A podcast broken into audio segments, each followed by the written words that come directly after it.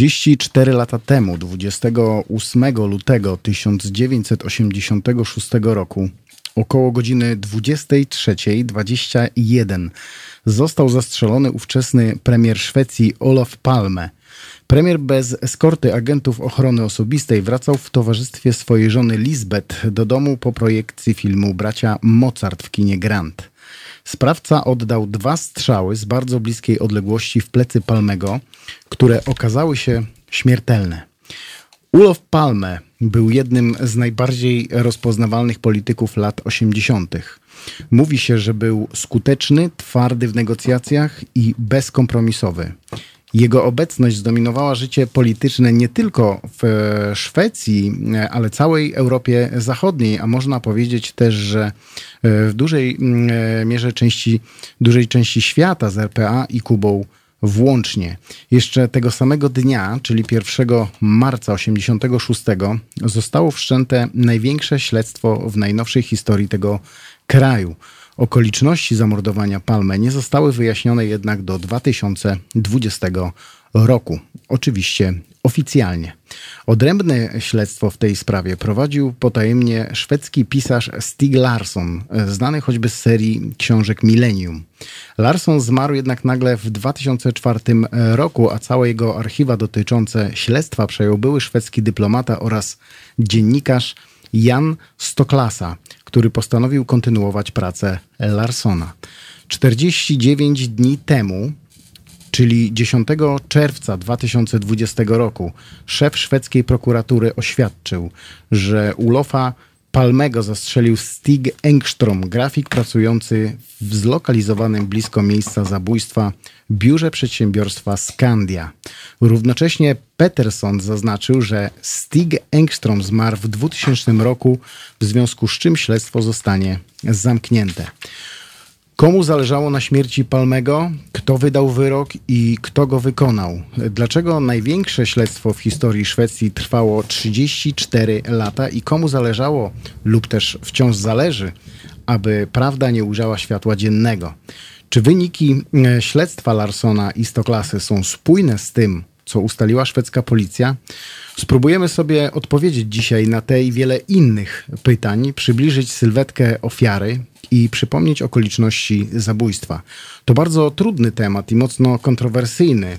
E, słuchają Państwo programu Halo Zbrodnia. Program prowadzą Iwo Wuko i Piotr Kurczewski. A kim był Olaf Palme? Olaf Palme w 1969 roku przejął stanowisko premiera i przywódcy partii po Tagem Erlanderze, którą funkcję szefa rządu pełnił nieprzerwanie przez 23 lata, co stanowiło swego rodzaju światowy rekord. Podczas ostatniej elekcji Erlandera socjaldemokraci uzyskali ponad 50% głosów. Przebicie tak niezwykłej popularności było dla Palmego niemożliwe.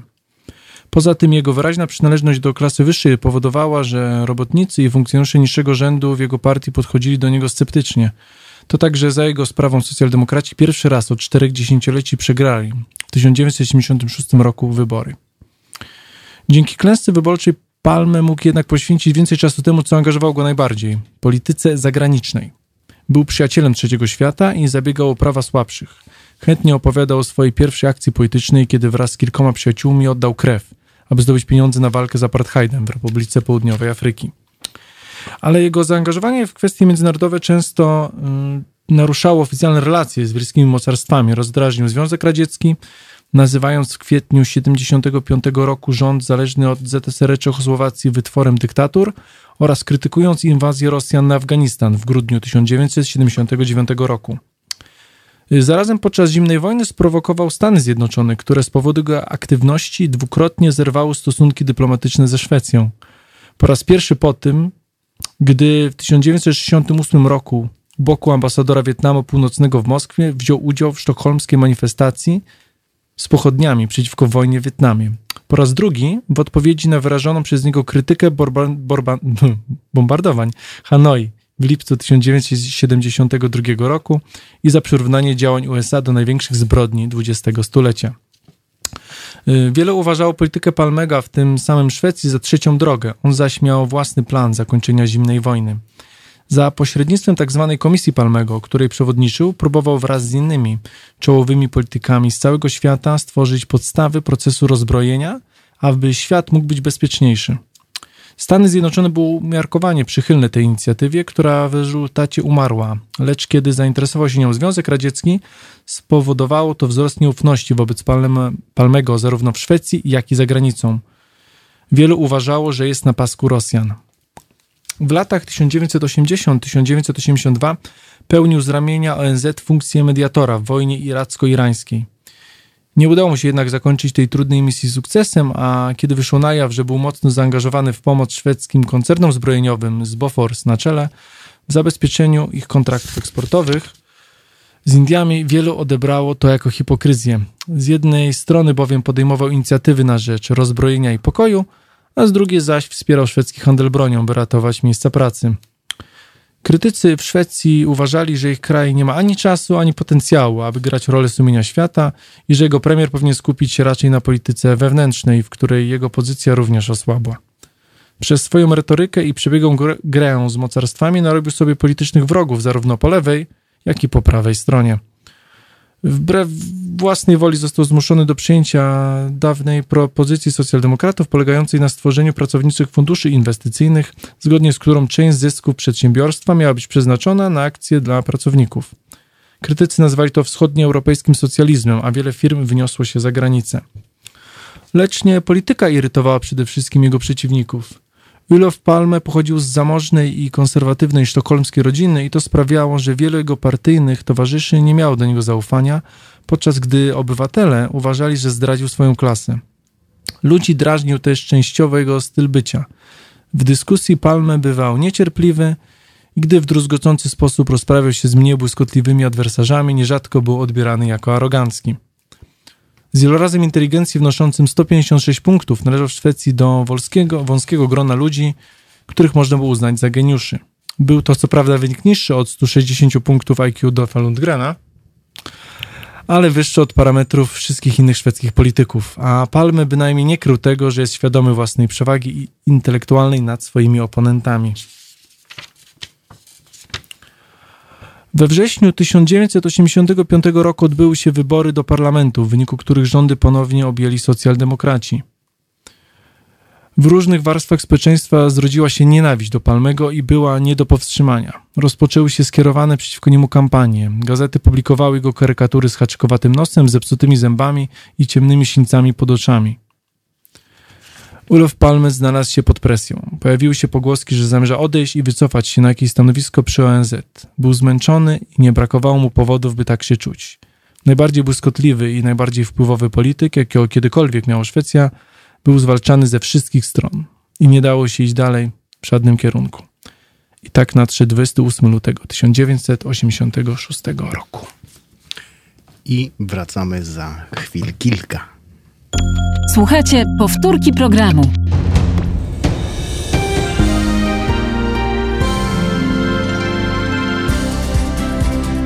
Halo Radio. Pierwsze radio z wizją.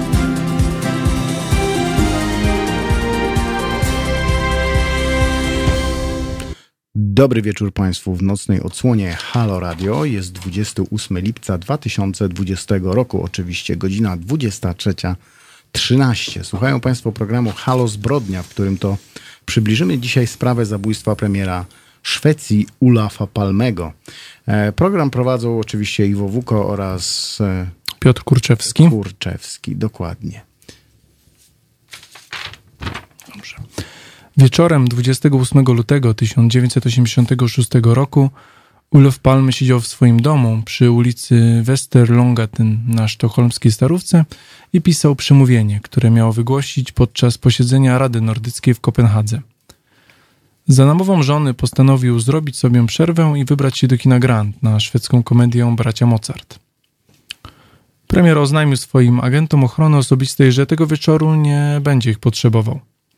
Y, nie było w tym nic niezwykłego, bowiem często tak postępował i wszyscy wiedzieli, że chętnie odbywa wieczorami spacery na własną rękę, o ile nie pracuje ani nie istnieją powody do zachowania szczególnych środków ostrożności.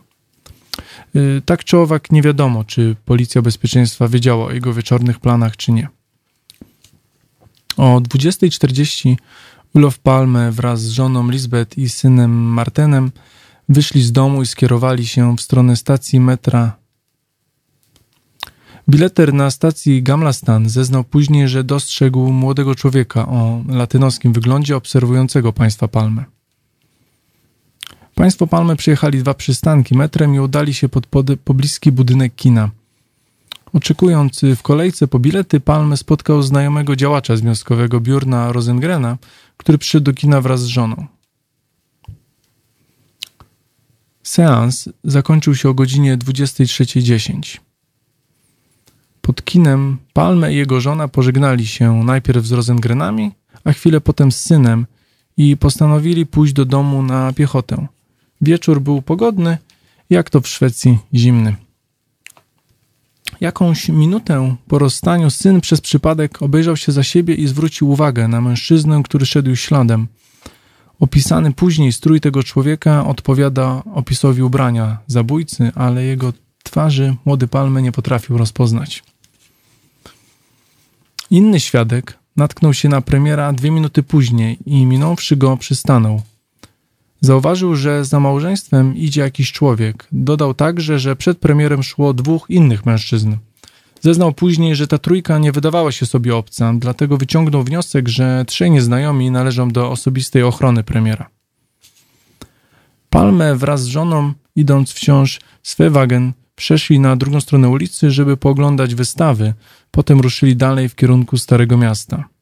Na rogu Svewagen i Tunnelgatan o godzinie 23.21 zabójca zbliżył się do premiera i wystrzelił do niego dwa razy z rewolweru Smith Wesson kaliber 3,57 Magnum.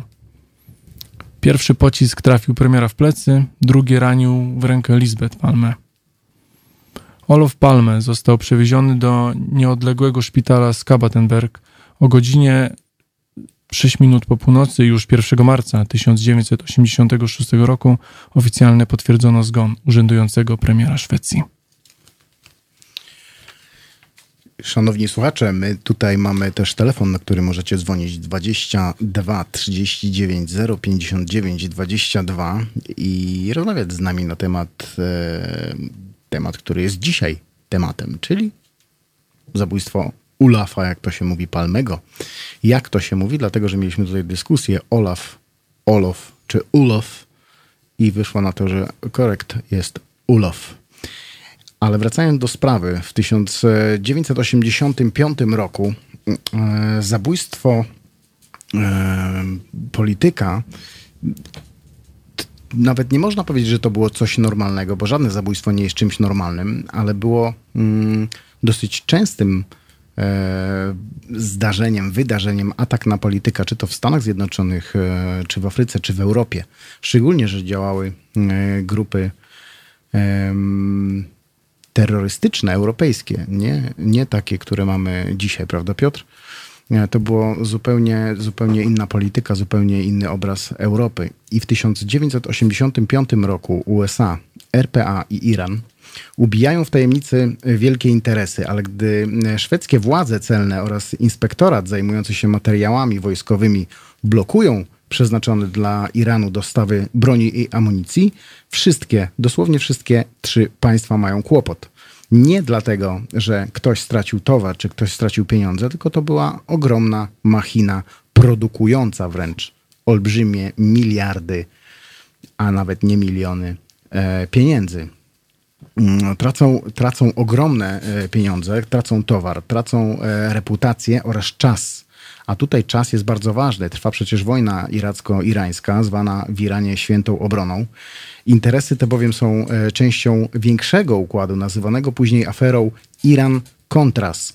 E, Już same informacje o tych transakcjach są ładunkiem wybuchowym, który jeśli Ulof Palme lub ktoś z jego otoczenia je upubliczni, poważnie zagrozi wszystkim kryjącym się za tym e, projektem. Jego właściwym architektem jest szef CIA William Casey. Gdyby Reagan został zmuszony do dymisji, mogłoby to w istotny sposób wpłynąć nie tylko na wynik wojny iracko-irańskiej, która była bardzo ważna dla Stanów Zjednoczonych, ale też na ostatnie lata zimnej wojny oraz e, zagrozić dominacji USA na świecie. Także tutaj, w, tym, e, w, w tej kwestii Stany Zjednoczone traci, traciły najwięcej. Amerykanie szykują się do jeszcze jednego konfliktu w tym czasie, e, który zbliża się nieubłaganie to wojna domowa w RPA na tle rasowym, czyli zryw czarnoskórych obywateli tego kraju przeciw totalitarnej ideologii głoszącej konieczność osobnego rozwoju społeczności różnych ras oraz przeciw bazującemu na tej teorii systemowi politycznemu. Jednak w chwili, kiedy rząd Stanów Zjednoczonych staje oficjalnie po stronie czarnoskórych obywateli, CIA po cichutku i kilka innych agencji rządowych Stanów Zjednoczonych prowadzą rozległe, nielegalne lub półlegalne interesy z RPA, stając e, nieoficjalnie po stronie reżimu białych przywódców tego kraju. E, w zakrojonej na szeroką skalę aferze Iran-Contras południowa Afryka nie jest tylko odbiorcą broni i ropy naftowej, lecz także organizatorem transakcji odbywających się za pośrednictwem pewnej liczby krajów tranzytowych. Jednym z nich są Seszele, gdzie mieszka niejaki Mario Ricci, partner biznesowy znów, że niejakiego Craiga Williamsa, który w tej sprawie jest istot, y, osobą e, kluczową. Ci dwaj panowie sprzedają m.in. irańską ropę w południowej Afryce i to tylko jeden mały tribik w ogromnej machinie transakcji na całym świecie. Mały, ale bardzo ważny, gdyż wypadnięcie tego jednego małego tribika z tej e, wielkiej machiny przynoszącej miliardy dolarów zysków miałoby opłakane skutki dla wszystkich stron uczestniczących w tym procederze. Gdy po zwycięstwie szwedzkich socjaldemokratów w 1985 roku w wyborach do parlamentu Olof Palme zostaje, pozostaje na stanowisku premiera, nikt nie ma najmniejszych wątpliwości, e, że szwedzkie władze będą nadal utrudniać wielkie interesy. Ostateczna decyzja o zleceniu zabójstwa Palmego zostaje podjęta we wrześniu 1985 roku. Tak przynajmniej wynika z informacji z wielu źródeł oraz dokumentów w RPA. W tym chaotycznym sojuszu między USA, Południową Afryką a Iranem niewiele jest osób zdolnych przeprowadzić zabójstwo urzędującego premiera, a nawet jeśli nawet jeśli e, jakaś osoba znalazłaby się, chodzi przede wszystkim chodziło tutaj o e, profesjonalnych zabójców na usługach CIA. Osób istniała obawa powiązania zabójstwa ze Stanami Zjednoczonymi, a to spowodowałoby szkody na niewyobrażalną skalę. Dlatego też CIA nie mogła użyć własnych agentów.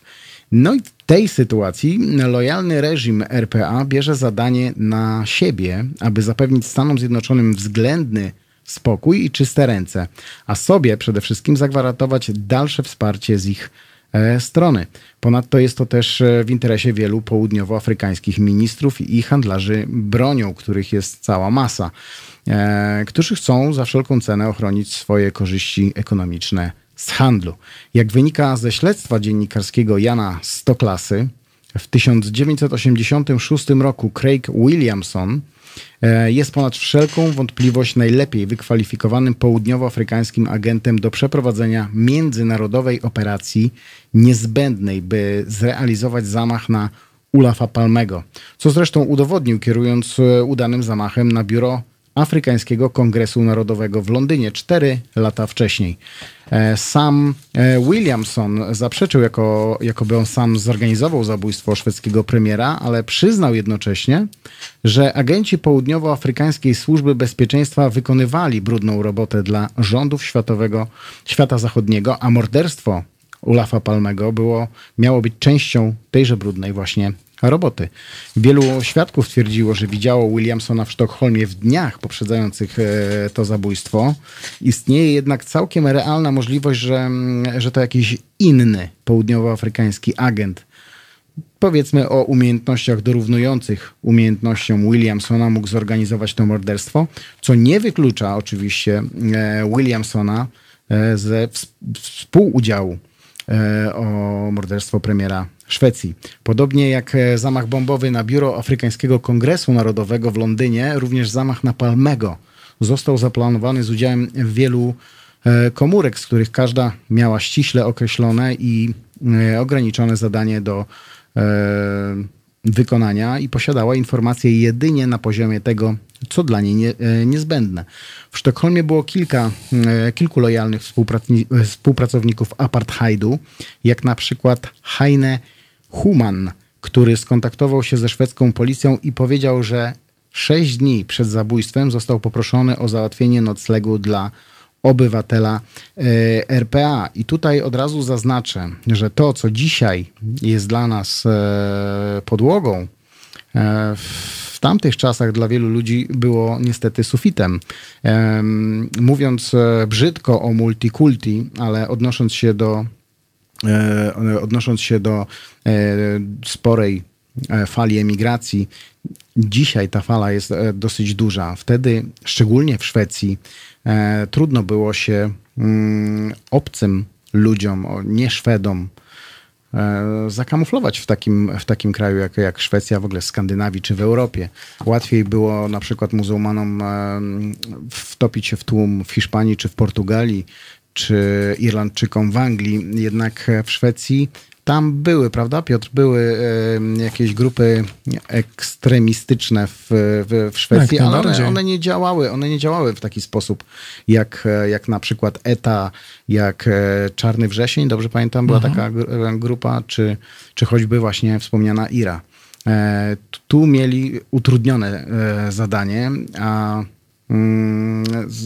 dziw może brać, że mm, agenci RPA wzięli to na siebie, prawdę mówiąc, chociaż e, no z tego, co, z tego, co kojarzę, bo mówiąc o RPA, nam się wydaje, że to czarnoskórzy, prawda? E, No nie no, w latach 80. to jest, mm, w w 80. na początku lat 80. no to apartheid jeszcze trzyma się, trzyma się mocno i jeszcze tutaj się będzie trzymał będzie się trzymał 10 kolejną lat. dekadę, dokładnie, więc tutaj y, jak najbardziej jest to biały, reżimowy, prawicowy rząd, który zrobi wiele, żeby walczyć o swoje interesy. No właśnie i w Sztokholmie, jak już wspomniałem, było kilku lojalnych współpracowników, e, współpracowników apartheidu. Mm, e, Przed e, zabójstwem ten e, człowiek został poproszony i tu, i tu jest ciekawe, że każdy Szwed, który był proszony, oni się chyba też trochę obawiali konsekwencji, bo jest mnóstwo nazwisk pada przy zabójstwie Ulafa Palmego, którzy odmawiali współudziału, jednocześnie bardzo szybko informowali SAPO, czyli tą, tą służbę, Służbę bez- Bezpieczeństwa służbę, szwedzką. służbę, tak, szwedzką służbę bezpieczeństwa. Tak jakby wiedzieli, że te konsekwencje mogą być e, bardzo, bardzo duże i, i trudne dla nich przede wszystkim. To nie miało być tylko więzienie, tylko to mogło być o wiele gorzej w tamtych czasach. W odróżnieniu od Londynu w tym przypadku więcej zależało od pomocy tubylców. E, Tutaj bowiem cel był e, ruchomy przede wszystkim. W Londynie ten, ten Williamson, o którym wcześniej mówiłem, w Londynie podłożył bombę. Tutaj to był zupełnie inny zamach. E, Tutaj był cel ruchomy. Trzeba było go porządnie namierzyć, wycelować i w tłumie ludzi, prawda? Bo mimo, że on był bez ochrony, to jednak ludzie do niego garnęli. Szedł Ola, Olof Palme przez miasto i jednak ci ludzie się do niego zbliżali. I z jednej strony to pomogło e, zamachowcom, z drugiej mogło to przeszkodzić zamachowcom, prawda? Tym bardziej, że ucieczka no, trochę mogła być nieudana. Zresztą ona była nieudana, tylko policja tego nie wykorzystała. E, także w tym przypadku e, więcej zależało od pomocy e, tubylców. Tu, język kompletnie obcy był dla, w odróżnieniu do zamachu w Londynie, a południowoafrykańczykowi trudniej było się wtopić w miejscowy pejzaż. No na pewno. Brzydko był, mówiąc, Był pejzaż. po prostu bardziej opalony. Dokładnie, dlatego też należało znaleźć Szwedów, którzy mogliby pokonać, e, wykonać pewne zadania. Jedna z komórek, grupa monitorująca, składająca się ze szwedzkich policjantów, co ciekawe, i ludzi ze służb, według e, słów e, niejakiego Standera, wcześniejszego kolegi życzonego Craiga Williamsona, ta szwedzka komórka otrzymała zadanie obserwowania Ulofa Palmego. W jej skład wchodził prawdopodobnie Karl Gustav Östling. Tak się chyba czyta jego nazwisko i liczni jego koledzy mający kontakt z RPA. Te, na, te nazwiska niekoniecznie mogą Państwu cokolwiek mówić, ale to są nazwiska, które pojawiały się w aktach e, przy, przy śledztwie o zabójstwo Ulafa Palmego. E, to byli ludzie związani albo z polityką, albo z, handlo, z handlem bronią, albo bardzo blisko związani e, przy mm, polityce apartheidu Tak. Czy z jednej, czy z drugiej strony. I to byli ci ludzie, to byli albo przeciwnicy e, Olafa Palmego, albo jego bliscy. No, bardzo często policjanci. E, bardzo dużo policjantów było w to wmieszane i kiedy zadajemy pytanie, dlaczego to śledztwo trwało 34 lata i dlaczego e, wynik tego śledztwa, który został ogłoszony niecałe 50 dni temu, 49 dni temu, jest taki, jaki jest i nie zgadza się z, ze śledztwem dziennikarzy, mnóstwo, mnóstwo ludzi, mimo że to 34 lata temu się stało, mnóstwo ludzi jeszcze żyje. E, ludzi, którzy brali w tym udział. Więc tutaj nie może dziwić też e, nastawienie szwedzkiej policji, szwedzkich polityków, którzy już wtedy, e, czy nosili mundur, czy krawat poselski, i jednak ciągle są w tej polityce i mają brudne, zakrwawione ręce. Motyw Szwedów różnił się od motywu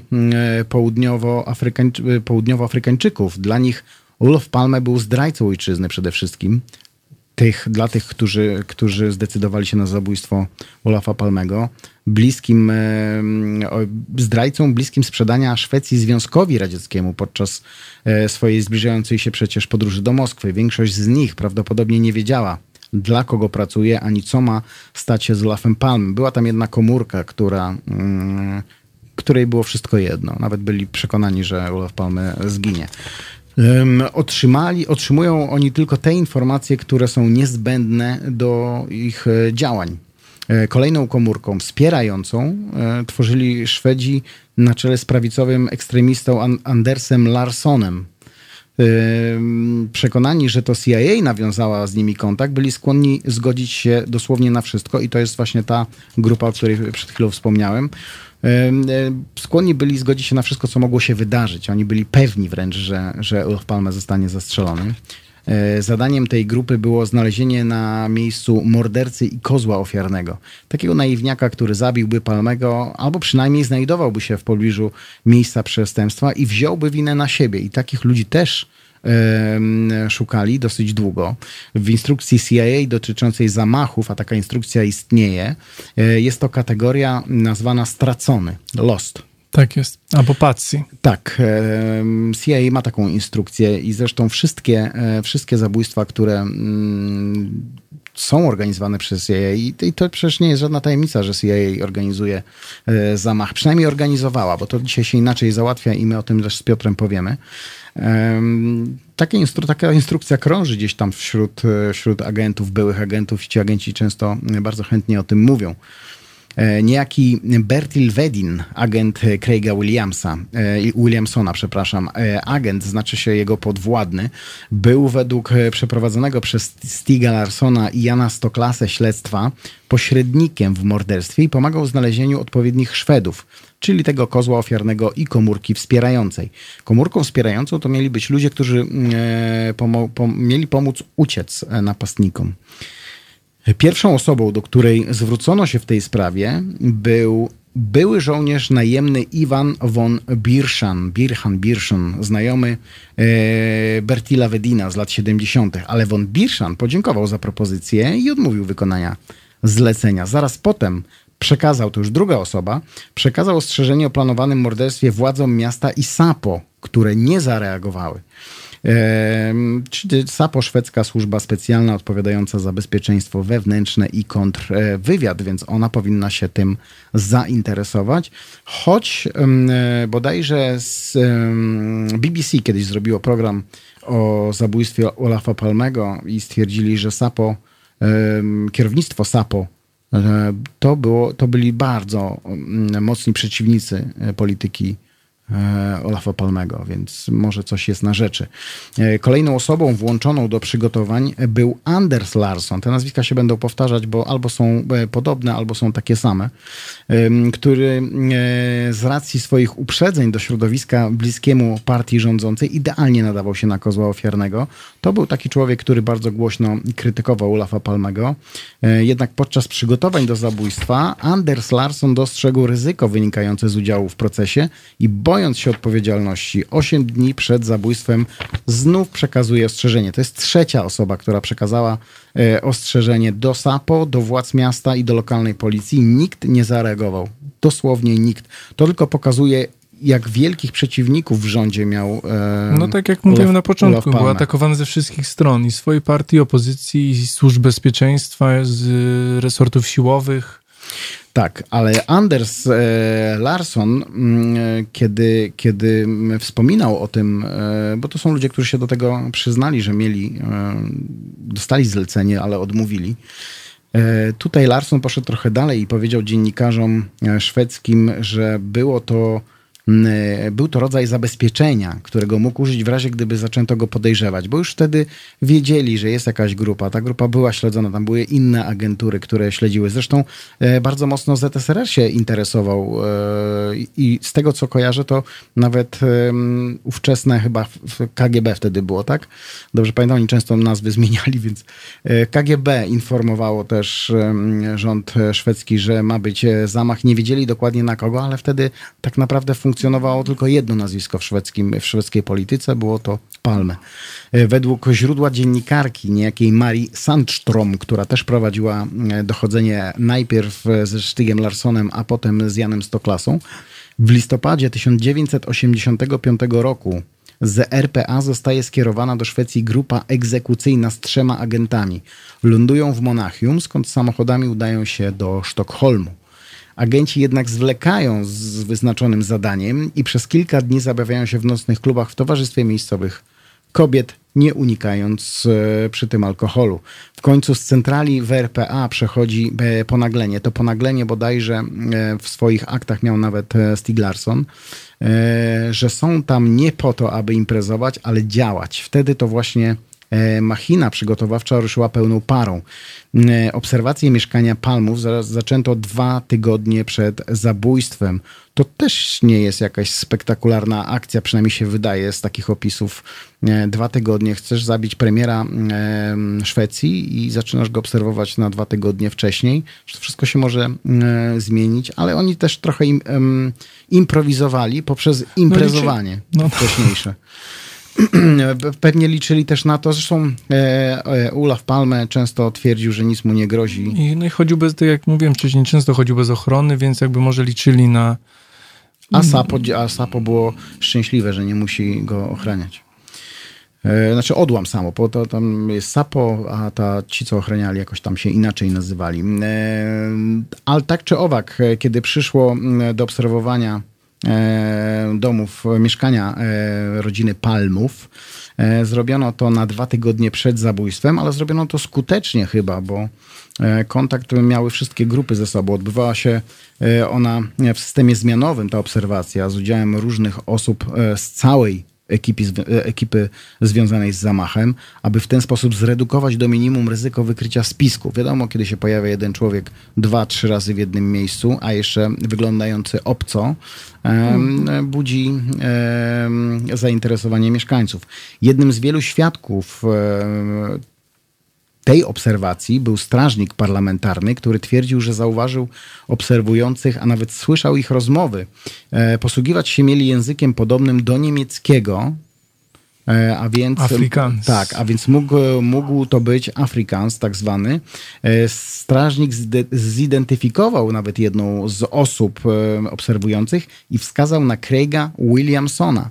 Właśnie tego człowieka, który mm, według wielu śledczych był jakby prawą e, ręką całego zamachu, bo twierdzi się, że to CIA po prostu e, zleciła zamach, a e, Craig Williamson był tym, który to koordynował. 21 lutego 86 przegapiono pierwszą okazję, by zaatakować, kiedy Olof Palme w obecności przewodniczącego AKN, czyli tego Afrykańskiego Kongresu Narodowego, Oliviera Tambo, wygłaszał mowę wymierzoną przeciwko apartheidowi. 24 lutego Olof Palme odwiedził mm, jeden z regionów szwedzkich, ale i tam przegapiono okazję. I tydzień przed morderstwem e, mieszkanie małżeństwa Palmów było już bardzo intensywnie obserwowane. Żona nawet za bardzo, bo żona premiera Lisbeth Palme zwróciła uwagę na dwóch mężczyzn, którzy nie spuszczali wzroku z domu, gdzie mieściło się ich mieszkanie, ale z niewyjaśnionych powodów nie zdecydowała się zawiadomić o tym Sapo. A ja się zastanawiam, gdyby jednak zdecydowała się, czy jako żona premiera miałaby wpływ na to, co zrobi Sapo, czy może dalej znowu by zostali e, zignorowani. E, Byli to rzekomo ci sami dwaj mężczyźni, których zidentyfikowała żona Palmego, których zobaczyła potem na miejscu zabójstwa. Ona upadła na kolana po tym pod- postrzale. To było draśnięcie. Tak. Ona upadła z, e, na kolana tuż przy, przy mm, e, leżącym już wtedy i krowiącym Olafie, e, Olafie Palmę. Em, I podniosła głowę, bo to nawet świadkowie twierdzili, jak, jak jeden mąż, wszyscy, tak, obserwowali to, że ci ludzie, którzy się tam zebrali, że najpierw złapała się za ramię bodajże, potem podniosła głowę i, i wlepiła wzrok w dwóch mężczyzn. Jeden uciekający. Tak, bo pra- Jeden, prawdopodobnie jeden się było, zamroził po, ponoć. tak, jeden się zamroził, prawdopodobnie było też właśnie trzech napastników, dwóch idących z przodu, jeden z tyłu. Odwrotnie chyba. Jeden z przodu, dwóch z tyłu. Może tak. i mieli krótkofalówki, to też wzbudziło zainteresowanie ludzi, gdyż wszyscy wiedzieli, że Palme chodzi bez ochrony. A tu nagle idzie dwóch facetów z tyłu z krótkofalówkami, więc wygląda jak ochrona i to było dziwne, że Palme idzie do kina z ochroną, prawda? E, Ale też e, z jednej strony było dziwne, z A dla drugiej niektórych strony... nie dziwne, bo premier właśnie w otoczeniu wysokich mężczyzn z krótkofalówkami, no na, raczej naturalne. Właśnie e, tak e, część osób to odebrała. Słuchają Państwo programu Halo Zbrodnia, kulisy zabójstwa Ulafa Palmego. W dalszej części opowiemy o śledztwie i sprawcach. Proszę pozostać z nami, bo wracamy już za kilka minut. To jest powtórka programu.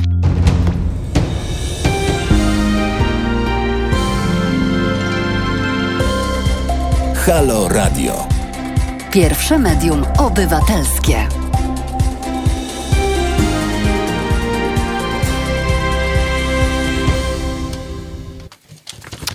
Trudno o gorszy start dla policyjnego śledztwa w sprawie zabójstwa. Mm, Sprawca zbiegł bez większych problemów, mimo że w okolicy znajdowało się wiele patroli. Pierwszy radiowóz zjawił się na miejscu przestępstwa w ciągu dwóch minut. Odgrodzono jednak zbyt małej przestrzeni, wskutek czego kule znaleziono dopiero dwa dni po zabójstwie i znaleźli je cywile. Tak, jeden to był hinduski lekarz, drugie osoby nie znalazły informacji, kto to był, ale były to osoby niezwiązane ze śledztwem, co... To tylko pokazuje, jak. e, To tylko pokazuje, jak bardzo nieudane było to śledztwo. E, Może nie tyle nieudane, bo ono mogło być udane, gdyby oni chcieli, tylko jak bardzo robili po łebkach, żeby to, tą sprawę, tę sprawę jak najszybciej zakończyć. No, po pierwsze też było chaotyczne, bo y, centrum kryzysowe zostało mm, ogłoszone dopiero o drugiej, po drugiej w nocy, czyli tak naprawdę trzy godziny po morderstwie dopiero. Ja myślę, że przez te trzy godziny to się też zastanawiano, e, co zrobić. Tak, no bo to był jednak premier kraju, to jest y, Ale sytuacja... To widzisz, to ty, to ty patrzysz na to z innej strony. Ty patrzysz No ze strony ofi- e, no, ofiary, tak ja jak, patrzę ze tak jak się strony umawialiśmy. No. Ja patrzę ze strony zabójcy i ja myślę, że skoro wiemy, wszyscy wiedzą, bo to jest oficjalne, że e, było tam mnóstwo polityków w to zaangażowanych, mnóstwo handlarzy broni, którzy mieli kontakty z politykami mm, i chronieni byli przez poli- polityków, e, a też policja i agenci SAPO, to myślę, że właśnie dla, to, i tak, to i tak sukces, że po trzech godzinach. To się mogło, to mogło trwać o wiele dłużej. To prawda. No, mm, też na początku był chaos y, jurysdykcyjny, więc pytanie było, kto ma wziąć tą sprawę, bo były tak naprawdę trzy opcje. W pierwszej opcji y, wyjaśnienie zamachu terrorystycznego z, z ewentualnymi powiązaniami z obcymi mocarstwami no, należało oczywiście do kompetencji Policji Bezpieczeństwa, czyli do SAPO, Mhm. do wywiadu. Y, Druga możliwość to była Krajowa Policja Kryminalna, y, do której należało między innymi badanie zdarzeń specjalnych, a do takich niewątpliwie zaliczało się na zabójstwo premiera kraju. I trzecia możliwość to była Policja Lokalna, w której zakres odpowiedzialności obejmowały no, pospolitą przestępstwa, czyli no, zabójstwo, a mimo wszystko, że było to zabójstwo premiera, jednak było to zabójstwo. No tak, e, tyle że w, jeszcze raz powiem, ze wszystkich tych trzech e, delegatur, takich nazwiemy brzydko, e, byli zamieszani ludzie w zabójstwo. Olafa Palmego, Mm, więc Najbardziej y, takie opory miała SAPO, żeby objąć, objąć tą sprawę. Y, No i to jest pytanie właśnie, dlaczego, tak? No jakby tutaj możemy sobie podywagować, no ale, ale oni nie chcieli wziąć tej sprawy. Y, W końcu padło na policję lokalną. i, i trwało to 34 lata. Oj tak, to A ja... zakończyło się blamarzem. Tak, no tutaj 49 ja Państwu dni temu. y, mm, postaram się jakby tak streścić trochę, chociaż jest dużo nazwisk. Jest to monotonne, ale chciałem to zrobić w taki specjalny sposób, bo żeby pokazać właśnie tą nieudolność, która z czasem jest, y, no jest przedziwna po prostu. Y, W każdym razie mm, prowadzącym sprawę został y, Hans Holmer. Był to komendant stołecznej policji. Wieloletni oficer miał doświadczenie zarówno jako były szef SAPO, jak i właśnie komendant stołeczny. Mimo utarczek politycznych, y, bo Holmer chciał współpracować sam, ale jednak zgodził się na to, żeby mieć przy sobie obserwatora z Ministerstwa Sprawiedliwości i sekretarza stanu, także było to śledztwo też jakby nie był w nim sam, tylko też miał jakby politycznych nadzorców właśnie- nad sobą. I właśnie się zastanawiam, czy e, pan Hans Holmer był wmieszany e, w zabójstwo i dlatego bronił się przed e, obserwatorem, czy obserwatorzy byli wysłani po to, żeby Hans Holmer nie dogrzebał, nie dogrzebał się do prawdy. Mm, Bo to nie jest model szwedzki, jak ja rozmawiałem z... z No nie, ale to sprawa była wyjątkowa też, wiesz, został zamordowany premier państwa, to też z jednej strony ja bym tu się nie doszukiwał, może to jest naturalne, że jakby, że rząd chciał mieć tutaj jakby rękę na pulsie. Nie zostawił sprawę jakby tylko policji i siedział spokojnie. No to ja myślę, że gdyby chciał mieć e, rękę na pulsie, to powołałby specjalną agenturę do tego, z, wymieszaną tak jak we Francji robili po, e, za, po słynnym zamachu w latach 70. Mm, teraz trudno mi powiedzieć, jak się nazywał ten zabójca, taki znany zabójca, ale no nieważne. Tam e, e, będzie audycja o Aldomoro, ktoś pyta, tak przepraszam, z, z drugiej strony. Będzie. No na pewno, to Więc tam stworzyli specjalną e, grupę e, pościgowa, to ona się nazywała we Francji w latach 70., czyli 10, prawie 10 lat wcześniej, e, która mm, była złożona ze, stworzona ze wszystkich agencji, no to prawda, no tutaj postąpiono inaczej. łącznie ze Strażą Pożarną. Naprawdę. Yy, Pierwsze zatrzymanie było już po trzech dniach. Został zatrzymany jeden z policjantów o mm, poglądach skrajnie prawicowych, ale jednak dwa dni później został wypuszczony bez żadnych, yy, bez dowodów, bez, bez aktu oskarżenia. Został yy, wypuszczony. Następnie 10 dni później zatrzymano y, kolejnego mężczyznę, oskarżono go o współudział. Był to 32-letni Wiktor Gunnarsson, który okazał się członkiem mm, prawicowej Europejskiej Partii Robotników EAP. Mimo, że partia była robotnicza, była ultraprawicowa, to jakby To w latach 80. bardzo popularne. szczególnie w Szwecji, która y, chciała być robotnicza, bardzo nie chciała się znaleźć pod wpływem Związku Radzieckiego. Ale to więc... samo było w Anglii, też e, były tak podobne organizacje. Więc właśnie Wiktor był y, wygodnym podejrzanym, bo mimo swoich, znaczy pomimo właśnie, dzięki swoim y, prawicowym poglądom, obsesji na punkcie premiera i naocznym świadkom, którym wielokro- wielokrotnie powtarzał, że powinien by, Olaf Palme powinien być zastrzelony. Więc E, y, Wiesz, ja, do, ja przeglądając e, wiele, wiele e, dokumentów z tej sprawy, czy, czy, czy artykułów, e, książek i, i filmów, tam jest, e, co druga osoba twierdziła No, z pytanych e, tak jak mówiłem, ponieważ. Palme wzbudzał tak skrajne emocje, w, w, w, szczególnie po prawej stronie, że tam jakby, no, że tak powiem, no, bito się bez rękawic trochę. No, jakby tam jakby słowa były wyjątkowo jakby, no, mocne i, i podpadające czasem już pod paragraf właśnie. Więc to było po tej ultraprawicowej stronie, on był po prostu traktowany jako zdrajca. No tak, tym bardziej, że szykował się do wyjazdu do Związku Radzieckiego, gdzie Szwedzi, no to były czasy, u nas się nie mówiło o tym, że Szwedzi są bardzo przeciwko e, Związkowi Radzieckiemu. Dla nas to był Zachód, prawda?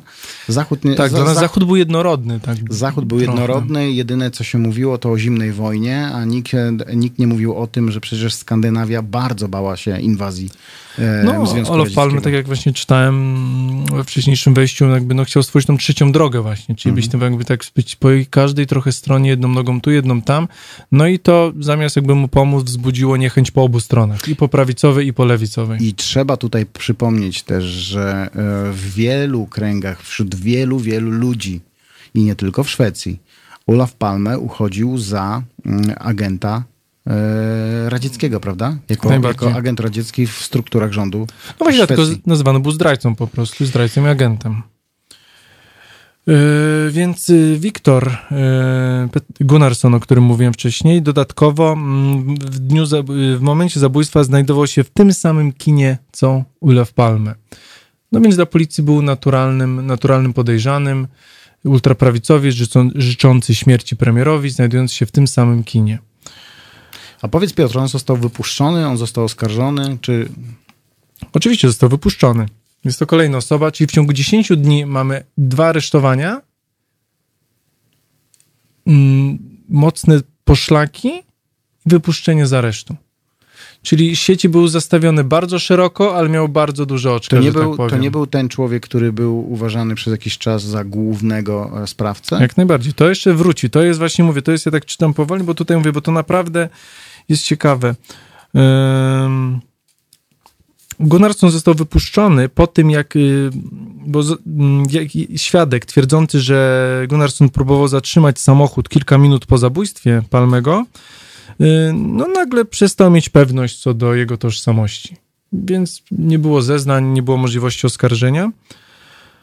Y, Miesiąc po zabójstwie komisarz Holmer wdał się w konflikt z prokuratorem Svensonem. Policja właśnie chciała zatrzymać Wiktora Gunnarssona jako podstawowego podejrzanego, natomiast y, prokurator w ramach swojej kompetencji wypuścił go na wolność. No właśnie. I to był tutaj- kolejny konflikt między prokuraturą a policją, który będzie tutaj jeszcze pojawiał się dwa lub trzy razy. I e, jeden ze słuchaczy pyta, czy uchodził, czy był? I właśnie tu jest, e, to jest to pytanie, bo mm, e, policja, czy z, em, grupy, które... No, policja, bo policja się tym zajmowała. I politycy zresztą, którzy to e, którzy kontrolowali śledztwo, nigdy nie powiedzieli, że e, Gunnarsson, tak? Dobrze mówię, Gunnarsson jest, czyli był em, jednym z głównych e, podejrzanych. Dopiero później, kiedy go wypuszczono, zaczęto o nim mówić, on był celebrytą później przez jakiś czas. Tam łapali go na ulicach, prawda? E, Bardzo z- tak lubił się wypowiadać w mediach. tak, tam, tam są takie zdjęcia, jak on z flaszką pod, pod, pod pachą idzie, kilka piw w ręku, gdzie to... To już nie ten. E, to, to ten, ten. To ten. E, gdzie w Szwecji raczej takie zachowania... To był Petersen. To był drugi. Oni tam... Też z flaszką, bo obaj byli z flaszkami? Tak, tak, Bo tak. to Są z- zdjęcia i, za, i potem była taka opinia, że, że zabójstwo zostało zle, zlecone grupie Żuli.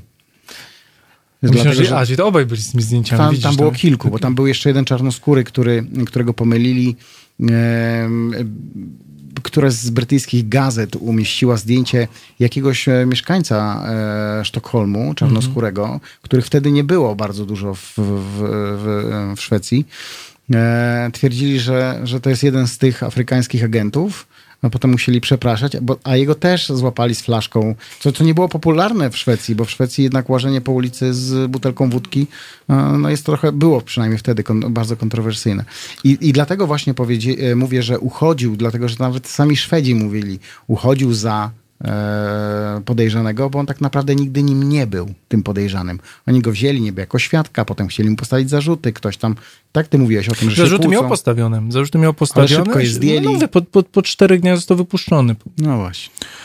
Ehm, Co też ciekawe, właśnie miesiąc po zabójstwie mm, komisarz, y, no właśnie o tym właśnie o tym konflikcie mówiliśmy, i w tym samym czasie do Holmera, jak i do Sapo zaczęły dochodzić sygnały o możliwym udziale kurdyjskiej partii PKK. Pracującej partii Kurdystanu. Ja bym Kurdów tu nie mieszał w, w te zabójstwo, dlatego że e, jak się tak dobrze zastanowić, nie mieliby powodu chyba. E, chociaż, chociaż e, Znaczy, to nie mieli, a znaczy trochę mieli, ja to mogę powiedzieć, bo to jest jakby też, mm, nie jest to, nie jest to jakiś taki mocny wątek, ale też pokazuje, bo tak naprawdę śled, śledczy zmarnowali ponad rok na to, żeby wyeliminować Kurdów i to też jakby, jakby wpływało na ten jakby, mm, to co mówiliśmy, na to, że śledztwo ciągnęło się, ciągnęło. Dlaczego? No właśnie, bo było bardzo dużo wątków i bardzo dużo energii marnowano na ich y, Ale- wyeliminowanie. dodam, że te wątki w policji i tam było, tam się pojawiały nazwiska e, w tym śledztwie e, policjantów, którzy naprawdę chcieli rozwiązać tę sprawę. którzy współpracowali e, i ze wspomnianym Stigiem Larsonem, i ze Stoklasą, który był wcześniej przecież dyplomatą. E, Był bodajże jakimś ambasadorem. E, Potem był słynnym, e, znanym, lubianym biznesmenem i dziennikarzem, więc miał rozległe znajomości. Współpracowali z nim ci policjanci. Tylko co powiedział jeden z policjantów dosyć niedawno, bo chyba w zeszłym roku, czy dwa lata temu, jak Stoklasa wypuszczał swoją książkę. Powiedział, że były ciągle podsyłane im fałszywe tropy i to były skuteczne fałszywe No tropy dlatego przez agentów RPA. Więc y, właśnie chcę powiedzieć, bo to właśnie dobrze pokazuje, jak, jak bardzo chaos panował w szwedzkiej policji. Y, no, ci mamy już wiosnę Mhm. i mówię, i całe lato do jesieni Holmer pracował nad y, tym wątkiem kurdyjskim. On był we, według niego najmocniejszy, najbardziej pewny. Wybiła północ. Y, Policja miała nazwiska pewnej liczby osób, które według niej były zamieszane i przy, y, w przygotowania i przeprowadzenie zamachu, nie znała jednak nazwiska tego, który strzelał. Hipoteza najbardziej popularna zakładała, że sprawca przyleciał ze Szwecji, z Turcji, ukrył się w Szwecji i zaraz po zamachu wyleciał z powrotem. Tak jak mówiliśmy, no jakby no, biorąc pod uwagę chaos po zabójstwie, byłoby to spokojnie wykonalne. Ym, ale skąd się wziął w ogóle pomysł Kurdystanu, tak jakby jako wątku, jakby czemu Kurdowie mieliby mieć coś przeciwko Palmemu? Bo Palme odmówił azylu w Szwecji przywódcy PKK Abdullahowi Ucielanowi, a spora liczba zwolenników została aresztowana przez Turków. Yy, I to było takim motywem, który miał, miał skłaniać po prostu śledczych do, do, do tego wątku kurdyjskiego. Tam chyba też była, e, w tym, w tym śledztwie jest wspomina, wspomniane, że e, odmawiając e, azylu, tak, temu, temu człowiekowi, nie chciał się narazić ani Związkowi Radzieckiemu, ani Turkom, ani, ani e, no jednak, e, jak dobrze pamiętam, to Turcja od dawien dawna ma jedną chyba z potężniejszych armii mm, e, w Europie. E, To raz. Dwa, że ma dość mocne e, koneksje. mm, w- Miała w Związku Radzieckim, prawda? Zresztą dzisiaj z Rosją też bardzo dobrze No więc, więc Kurdowie to brali jako jakby mocną potwarz i to miał Tak, być ale, jeden z się, ale wątków. tak mocniej się zastanowić, to, to, to, nie, to nie jest powód do tego, żeby zabić Olafa Palmego. No, bez, bez jaj. Więc tak, 20 stycznia mm, 87 roku, czyli już prawie rok po, ci, ci, zobaczmy, teraz minął rok, tak? Mhm. Mieliśmy, trochę, mieliśmy podejrzanych, wypuszczanych, łapanych, mm, teraz mieliśmy tych Kurdów. Yy, I cała, cała energia policji idzie w tą stronę, czyli 20 stycznia 87 roku policja przeprowadziła operację Alfa, w wyniku w której zatrzymano 20, 20 osób, przeważnie Kurdów, wszystkich przesłuchano jednocześnie. Akcja nie okazała się sukcesem, jakiego spodziewał się Holmer, no można powiedzieć wręcz przeciwnie, bo nie zdołano postawić żadnych zarzutów ani jednej osobie. Po upływie dwóch tygodni, 5 lutego, Hans Holmer przestał kierować śledztwem, a miesiąc później podał się do dymisji ze stanowiska komendanta głównego policji. Naciski. Naciski, albo został tak wmanewrowany i został, jakby no, poświęcił całą energię na wątek, który nie miał prawa się udać, bo pół roku, czyli to pierwsze pół roku, zmarnował właśnie na, na akcję A to chyba, to chyba on, wiesz, opowiadał e, Stoklasie o tym, że te wątki podsuwano fałszywe i one były bardzo skutecznie podsuwane. Więc on się albo dał złapać na to, albo jakby sam był prowodyrem tego. No w każdym razie pierwsze pół roku, które powinno być najbardziej intensywne, jest największa szansa, żeby kogokolwiek złapać. No, poświęcił tej partii kurdyjskiej, co okazało się ślepą uliczką, jak najbardziej. A co do samego przebiegu zdarzeń z 28 lutego 86 roku, istniało wiele hipotez oczywiście, o czym Piotr mówił, czy wspomniał. Nie brakowało też e, materiałów, na których można się było ewentualnie oprzeć. Raport e, komisji rewizyjnej, to była właśnie ta komisja, o której wspominałem, że e, powinna być. Ona była, tylko że ona była nieskuteczna. Opublikowane zeznania świadków, archiwum e, pisarza Stiga Larssona. To było olbrzymie archiwum. To był człowiek, który wykonał e, więcej e, pracy w, w, w ciągu czterech lat e, tego śledztwa, niż policja w ciągu tam tych dwudziestu paru w No bo- tamtym czasie. Tak, bo może nasi słuchacze tego nie wiedzą, ale Stig Larsson, mm, no, zanim pisał kryminały, był no, dziennikarzem. Który Ym, wojował mocno z... Bardzo mocno, z ultraprawicą. To była Dokładnie. jego misja życiowa. Grozili mu e, śmiercią wielokrotnie. Zresztą jego śmierć w 2004 roku jest do dzisiaj przypisywana tej właśnie sprawie. On poświęcił swoje życie walce z ultraprawicą. Y, I to nie tylko pisał artykuły, ale inwigilował te środowiska, y, śledził, y, no dokonywał takich, można powiedzieć, akcji, akcji wywiadowczych na swoją rękę, na, mhm. na terenie Szwecji, co, co było bardzo niebezpieczne, bo te środowiska jakby były jemu bardzo wrogie i wielokrotnie ryzykował życiem. Dokładnie. E, chodziło też o to, że e, oprócz tej e, raportu Komisji Rewizyjnej i e, opublikowanych zeznań świadków, tego archiwum pisarza Larsona, była też analiza dziennikarza, dziennikarza Jana e, Stoklasy, mnóstwo dokumentów oraz nie mniej ważne to, co opowiedział dziennikarzom śledczym niejaki Jakob Tedelin. I to jest cholernie ważna postać w tej, w tej sprawie. E, tu nie jesteśmy pewni co do prawdziwej tożsamości Jakoba Tedelina, ale pewne źródła mówią e, o nim, że jest to e, David albo Dawid, bo jest, Dawid. bo jest pochodzenia żydowskiego, Dawid Fredin, Żyd z pochodzenia, najemnik i płatny zabójca. to dziennikarz Jan Stoklasa wpadł na trop, jako, jakoby zabójcą był Tedelin.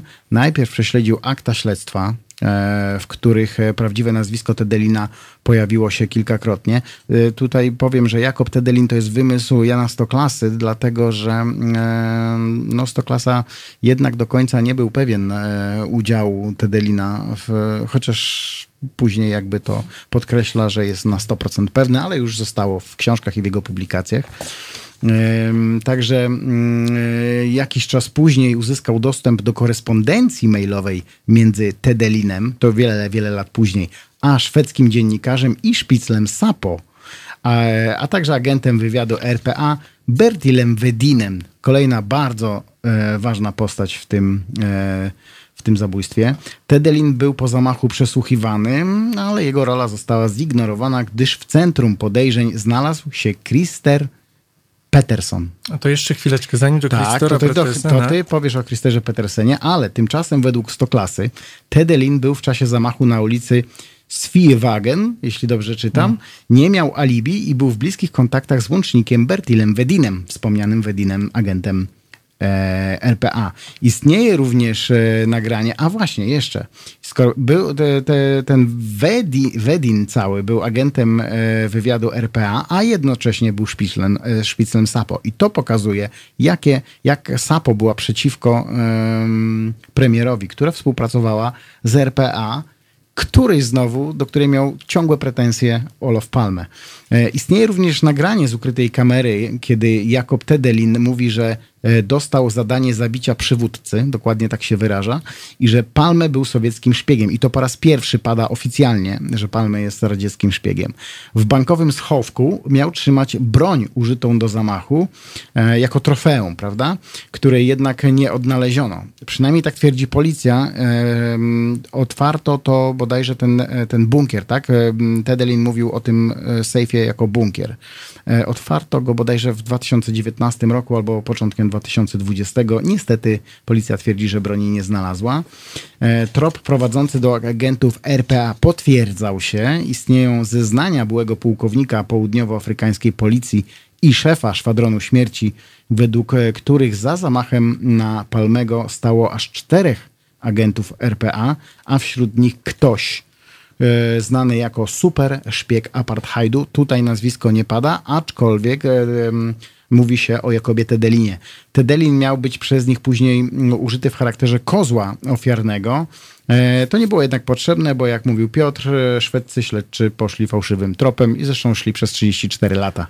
E, tak. Jeszcze dodam, Piotrze, że mhm. gazeta Aftonbladet poinformowała kilka lat temu, że wskutek nowych danych działająca ciągle grupa policji do spraw zabójstwa Ulafa Palmego, zanim 49 dni temu uznano, kto jest zabójcą i że sprawa została zamknięta. E, dwa czy trzy lata temu mm, mówili, że zamierza zbadać ślad południowoafrykański. Po 34 latach policja wychodzi na konferencję i mówi, zamierzamy zbadać ślad Afryka, południowoafrykański. To się w głowie nie mieści.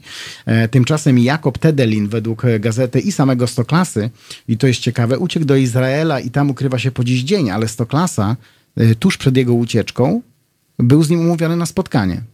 Mieli porozmawiać. Tedelin mu powiedział w cztery oczy, przynajmniej tak mówi Stoklasa, e, że poda mu nazwiska zabójców i e, jaki, jaka była jego rola e, w tym wszystkim. Um, oczywiście ta rola miała być taka, że on był niezwiązany, ale tam na dzień chyba przed spotkaniem zwiał, prawda? Z, do Izraela. Wróćmy jednak do 28 lutego 86 roku, tak? O tym chcesz nie, mówić? Nie, no, jesteśmy rok później, to już jakby jesteśmy już, ym, więc mieliśmy, mieliśmy w styczniu jakby 87 jakby... A to ja później wrócę. Ym, czyli Hans Holmer składa tutaj nam podaje się do dymisji. W grudniu 87, czyli prawie dwa lata po zabójstwie, Wiktor Gunnarsson po raz drugi usłyszał, że jest podejrzany w związku z zabójstwem Olafa Palmego. I to jest ciekawe. Za pierwszym razem był oskarżony o dokonanie morderstwa, teraz jest oskarżony o współudział. Właśnie, bo nie mogli mu postawić drugi raz tych samych zarzutów, bo na całym świecie, może oprócz e, od e, Polski na wschód, można stawiać takie zarzuty, ile tak. się chce. W Szwecji nie, więc teraz miał współudział. Tak. 5 lutego 1988 roku, czyli prawie dwa lata po zabójstwie, mm, Hans Ulvebro formalnie objął funkcję kierującego śledztwem w sprawie zabójstwa Olofa Palmego. Hans Ulvebro był doświadczony policjantem robiącym całkowicie inne wrażenie od jego poprzednika Hansa Holmera swoich poczynaniach skupił się na powiązaniach y, bardziej, że tak powiem, przyziemnych. Czyli mm, tak jak tutaj powiedział, mam taki ładny cytat tutaj. Y, tu nie mamy do czynienia z niczym tak prostym jak spisek. Tu chodzi o działającego samotnie szaleńca, a kogoś takiego jest znaleźć trudniej niż igłę w stogu siana, powiedział po objęciu śledztwa. No i od tego się zaczęło z tym panem. Krótko który... mówiąc, y, w lutym prokurator ponownie uwolnił od podejrzeń Wiktora Gunnarsona. Brawo. No bo szef powiedział, że nie będziemy iść w tym kierunku. No i w śledztwie nastąpił zwrot i już nie było w nim miejsca na rozdmuchane spiski. I szukali wariata. Szukali wariata. I tego wariata znaleźli, o którym powiedzieli tak jest. Półtora miesiąca temu, o czym ty też powiesz. Więc y, w, gr w grudniu, 14 grudnia 1988 roku 40-letni narkoman Christer Peterson został wezwany na przesłuchanie w sprawie zabójstwa Olofa Palmego. Wieczorem tego samego dnia przeprowadzono wideokonferencję, podczas której Lisbeth Palme wskazała Petersona jako tego, który niecałe trzy lata wcześniej zastrzelił jej męża. Y, Petersen był też wygodnym jakby obiektem, bo był recydywistą, doskonale znanym sztokholmskiej policji. Y, był... Y, Ile lat minęło od tego, jak żona Palmego wskazała zabójcę? Niecałe trzy. No to ciekawe, trzy bo, bez ona, dwóch bo miesięcy. ona wskazywała najpierw trzech innych mężczyzn, a potem wskazała to tego, też, tak? no właśnie to wszystko wyjdzie. To do, niesamowitą pamięć masz, Iwo, tutaj, no, ale to dobrze, że, dobrze, to, to wszystko, wszystko jak najbardziej całkowicie się zgadza. Yy, Peterson miał na swoim koncie wyroki za pobicie, kradzież, a także za śmiertelne dźgnięcie mężczyzny nożem w 70 roku, więc był idealnym może nie kozem ofiarnym, ale idealnym podejrzanym, mm, odpowiadającym tezie ówczesnego Materiał, komendanta. Dobry materiał na podejrzanego. Jak najbardziej. 19, 16 grudnia postawiono mu zarzut prawdopodobnego zabójstwa, co też jest dobrym zarzutem. No ja nie wiem, jakie, jakie jest prawo w Szwecji, no, co oznacza to... prawdopodobne zabójstwo. No więc... Może hmm. dla niego to oznaczało 25 lat Może tak. więzienia. 5 czerwca 1989 roku rozpoczął się długo wyczekiwany proces. W opinii publicznej nierozwiązywalna sprawa zabójstwa została już rozwiązana, bo policja jakby była bardzo mocno przesądzona o tym, że to jest ten człowiek. A czy ten człowiek się przyznał? Nie. Okay. Przez całe śledztwo ani razu się nie przyznał. 27 lipca, pomimo nieprzyznania się do winy wielokrotnego, został skazany. E, no ale euforia po orzeczeniu z sądu rejonowego nie trwała długo, bo tak jak ja jakby wyczytałem, co nie wiedziałem, właśnie w pierwszej instancji zasiadają ławnicy, którzy no, są ludźmi dobranymi z, ze społeczeństwa, a w drugiej instancji zasiadają już ludzie z wykształceniem prawniczym. Mhm. Więc tak jak y, ludzie bez wykształcenia y, prawniczego skazali go za zabójstwo. Ufając temu. Ufając tak naprawdę oskarżycielowi, oskarżycielowi i zeznaniu tylko żony. No to w drugiej instancji już nie było tak, mm, tak wesoło, bo Christer odwołał się od wyroku i niecałe dwa miesiące po, po, po pierwszej instancji był już proces drugiej instancji, gdzie yy, eksperci wezwani przez, przez obronę skupili się na podważeniu zeznań Lisbeth Palme, mm, poddali wątpliwość, mówiąc, że była w głębokim szoku po zabójstwie męża i tak naprawdę nie mogła zidentyfikować zabójcy w takim Ja, stanie. myśl, ja myślę, że e, no, nie byłem na jej miejscu, ale jak rozmawiam e, często z ludźmi przy okazji czy pisania książek, czy artykułów, często ludzie po takiej traumie, jak, jak, e, czy podobnej traumie jak e, Lisbeth Palmer, e, zresztą wiele osób znajdujących się w, takich, w takim położeniu twierdzi, że e, zabójca widzi w każdym człowieku. To też było jednym właśnie, no dokładnie to była linia obrony. Dokładnie taka była linia obrony. Y, Zwrócono również uwagę, że pani Palmy opisała twarz sprawcy dopiero po prawie trzech latach po dokonaniu zabójstwa, a przedstawiony przez nią opis ubrania nie zgadzał się z y, opisami pozostałych świadków. Więc y, 2 listopada, czyli tam dwa miesiące po mm, tym trwaniu procesu, Christer Peterson został uznany za niewinnego zabójstwa Olofa Palmego. No to był szok. Ale to był dla szok kogo? dla policji. I dla, Dla policji, dla, dla społeczeństwa. dla społeczeństwa wszystkiego, które było pewne, że ma już właściwego człowieka. Tak, bo przecież to zabójstwo, prawdę mówiąc, poza e, politykami, e, mediami, jako e, dotykając tylko sfery społeczeństwa, takiego z szarego Kowalskiego czy szarego Svensona, jak to się mówi, e, to, to była trauma. tak. Bo to był koniec końców e, ulubiony polityk Szwedów. I co ciekawe, w szeregach policji przekonanie o tym, że Peterson jest winny, było nieomal stuprocentowe. Wymyślono nawet nowy zwrot, którego używano w kontakcie z mediami, na określenie tej sytuacji. Choć nie udało się uzyskać wyroku skazującego, sprawa była policyjnie wyjaśniona. A, Czyli policja zrobiła swoje, lecz prokuratora i sądy nie wykonały przynależnej im części zadania. Y, Hans Uwe kierował pracami zespołu dochodzeniowego jeszcze przez 4 lata. Po uniewinnieniu postawił sobie za cel znalezienie nowego materiału, y, który miał wystarczać, żeby mm, złożyć wniosek o wznowienie postępowania w Sądzie Najwyższym. Ale właśnie mówię, policja miała, powiedziała, że sprawa jest policyjnie wyjaśniona i śledztwo tak naprawdę stanęło albo w miejscu, albo nie szukano nowych y, y, wątków, a skupiano się jedynie na zwiększeniu dowodów przeciwko Petersonowi, co też okazało się, okazało się fiaskiem. z jednej strony było to dla nich wygodne. Dobrze, zróbmy, e, zróbmy teraz mały e, przerywnik i zaraz wrócimy do sprawy. Słuchajcie powtórki programu. Halo Radio. Gadamy i trochę gramy.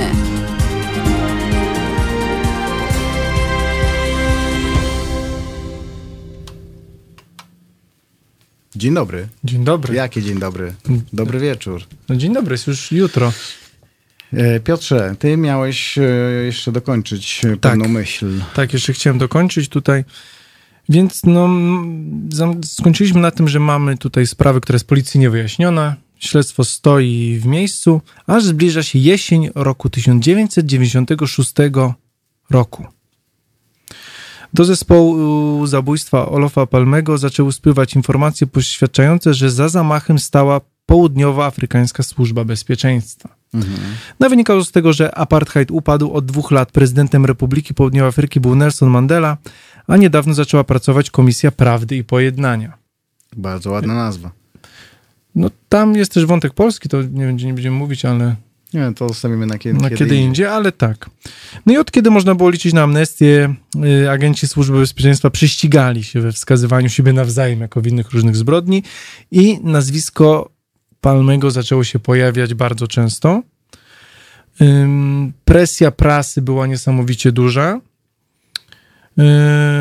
Na początku Ulvebro mm, niechętnie odnosił się do tej sprawy, jednak pod presją dziennikarzy 10 października razem z prokuratorem Danielsonem przyjęli do Johannesburga.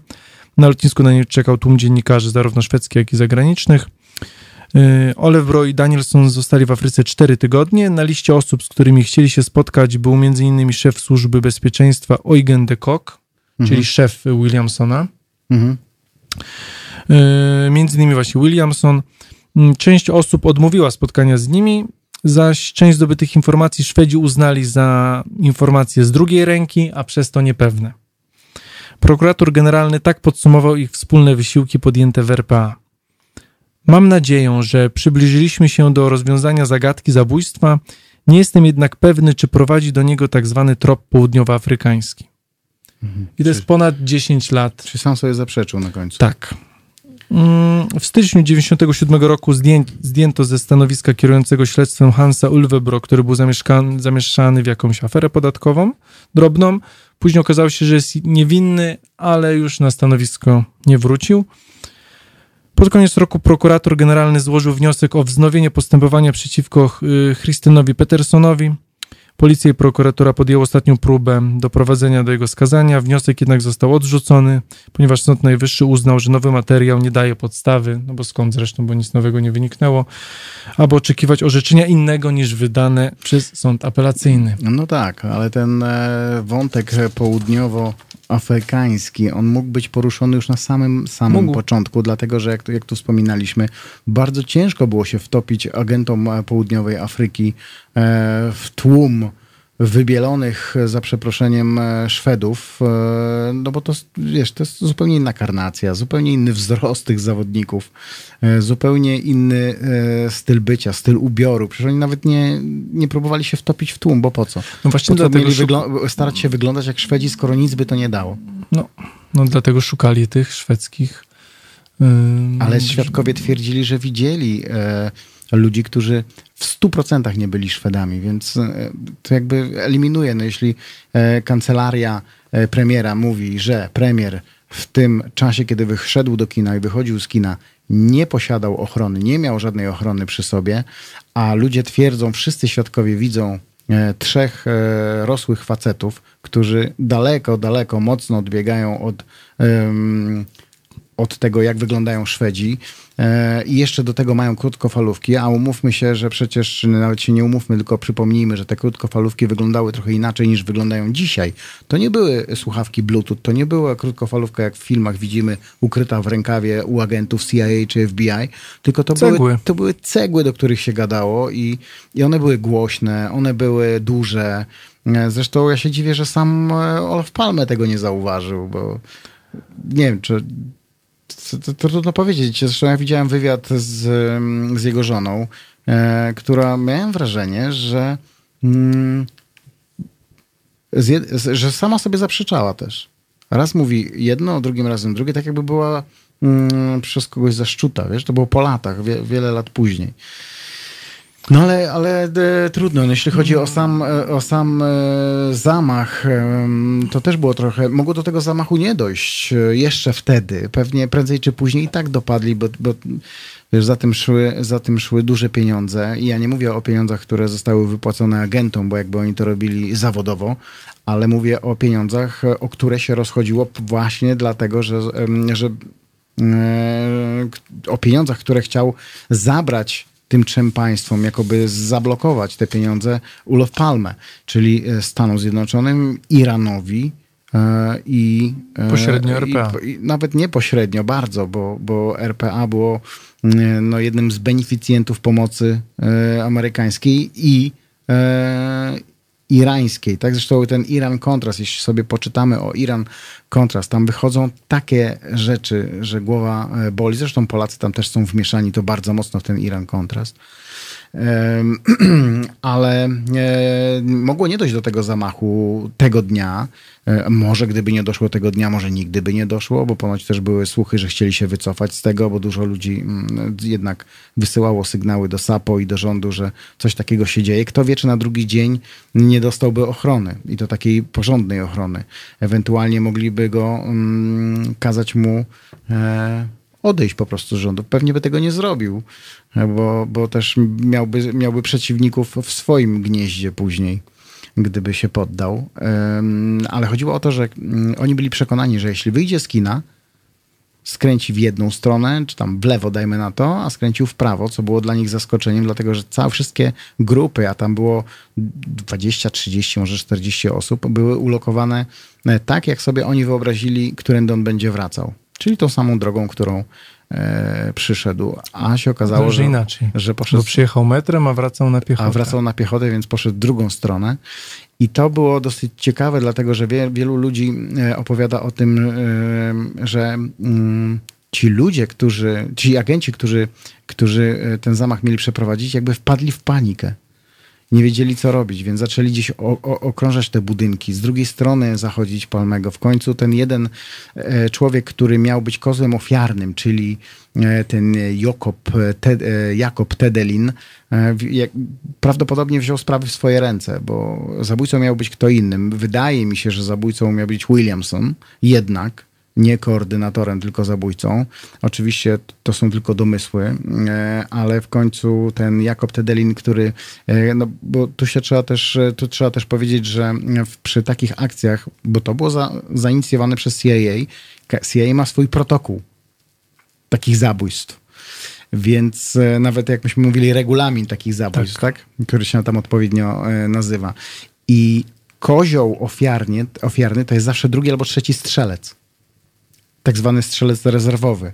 Być może e, Jakob Tedelin to wykorzystał, bo był najbliżej e, Palmego. Mm, e, Tutaj parę razy pojawiało się taka sugestia, że chciał zabić, zabójca chciał zabić oboje. Nie, nie chciał zabić oboje. Chciał wystrzelić dwa razy w plecy Palmego.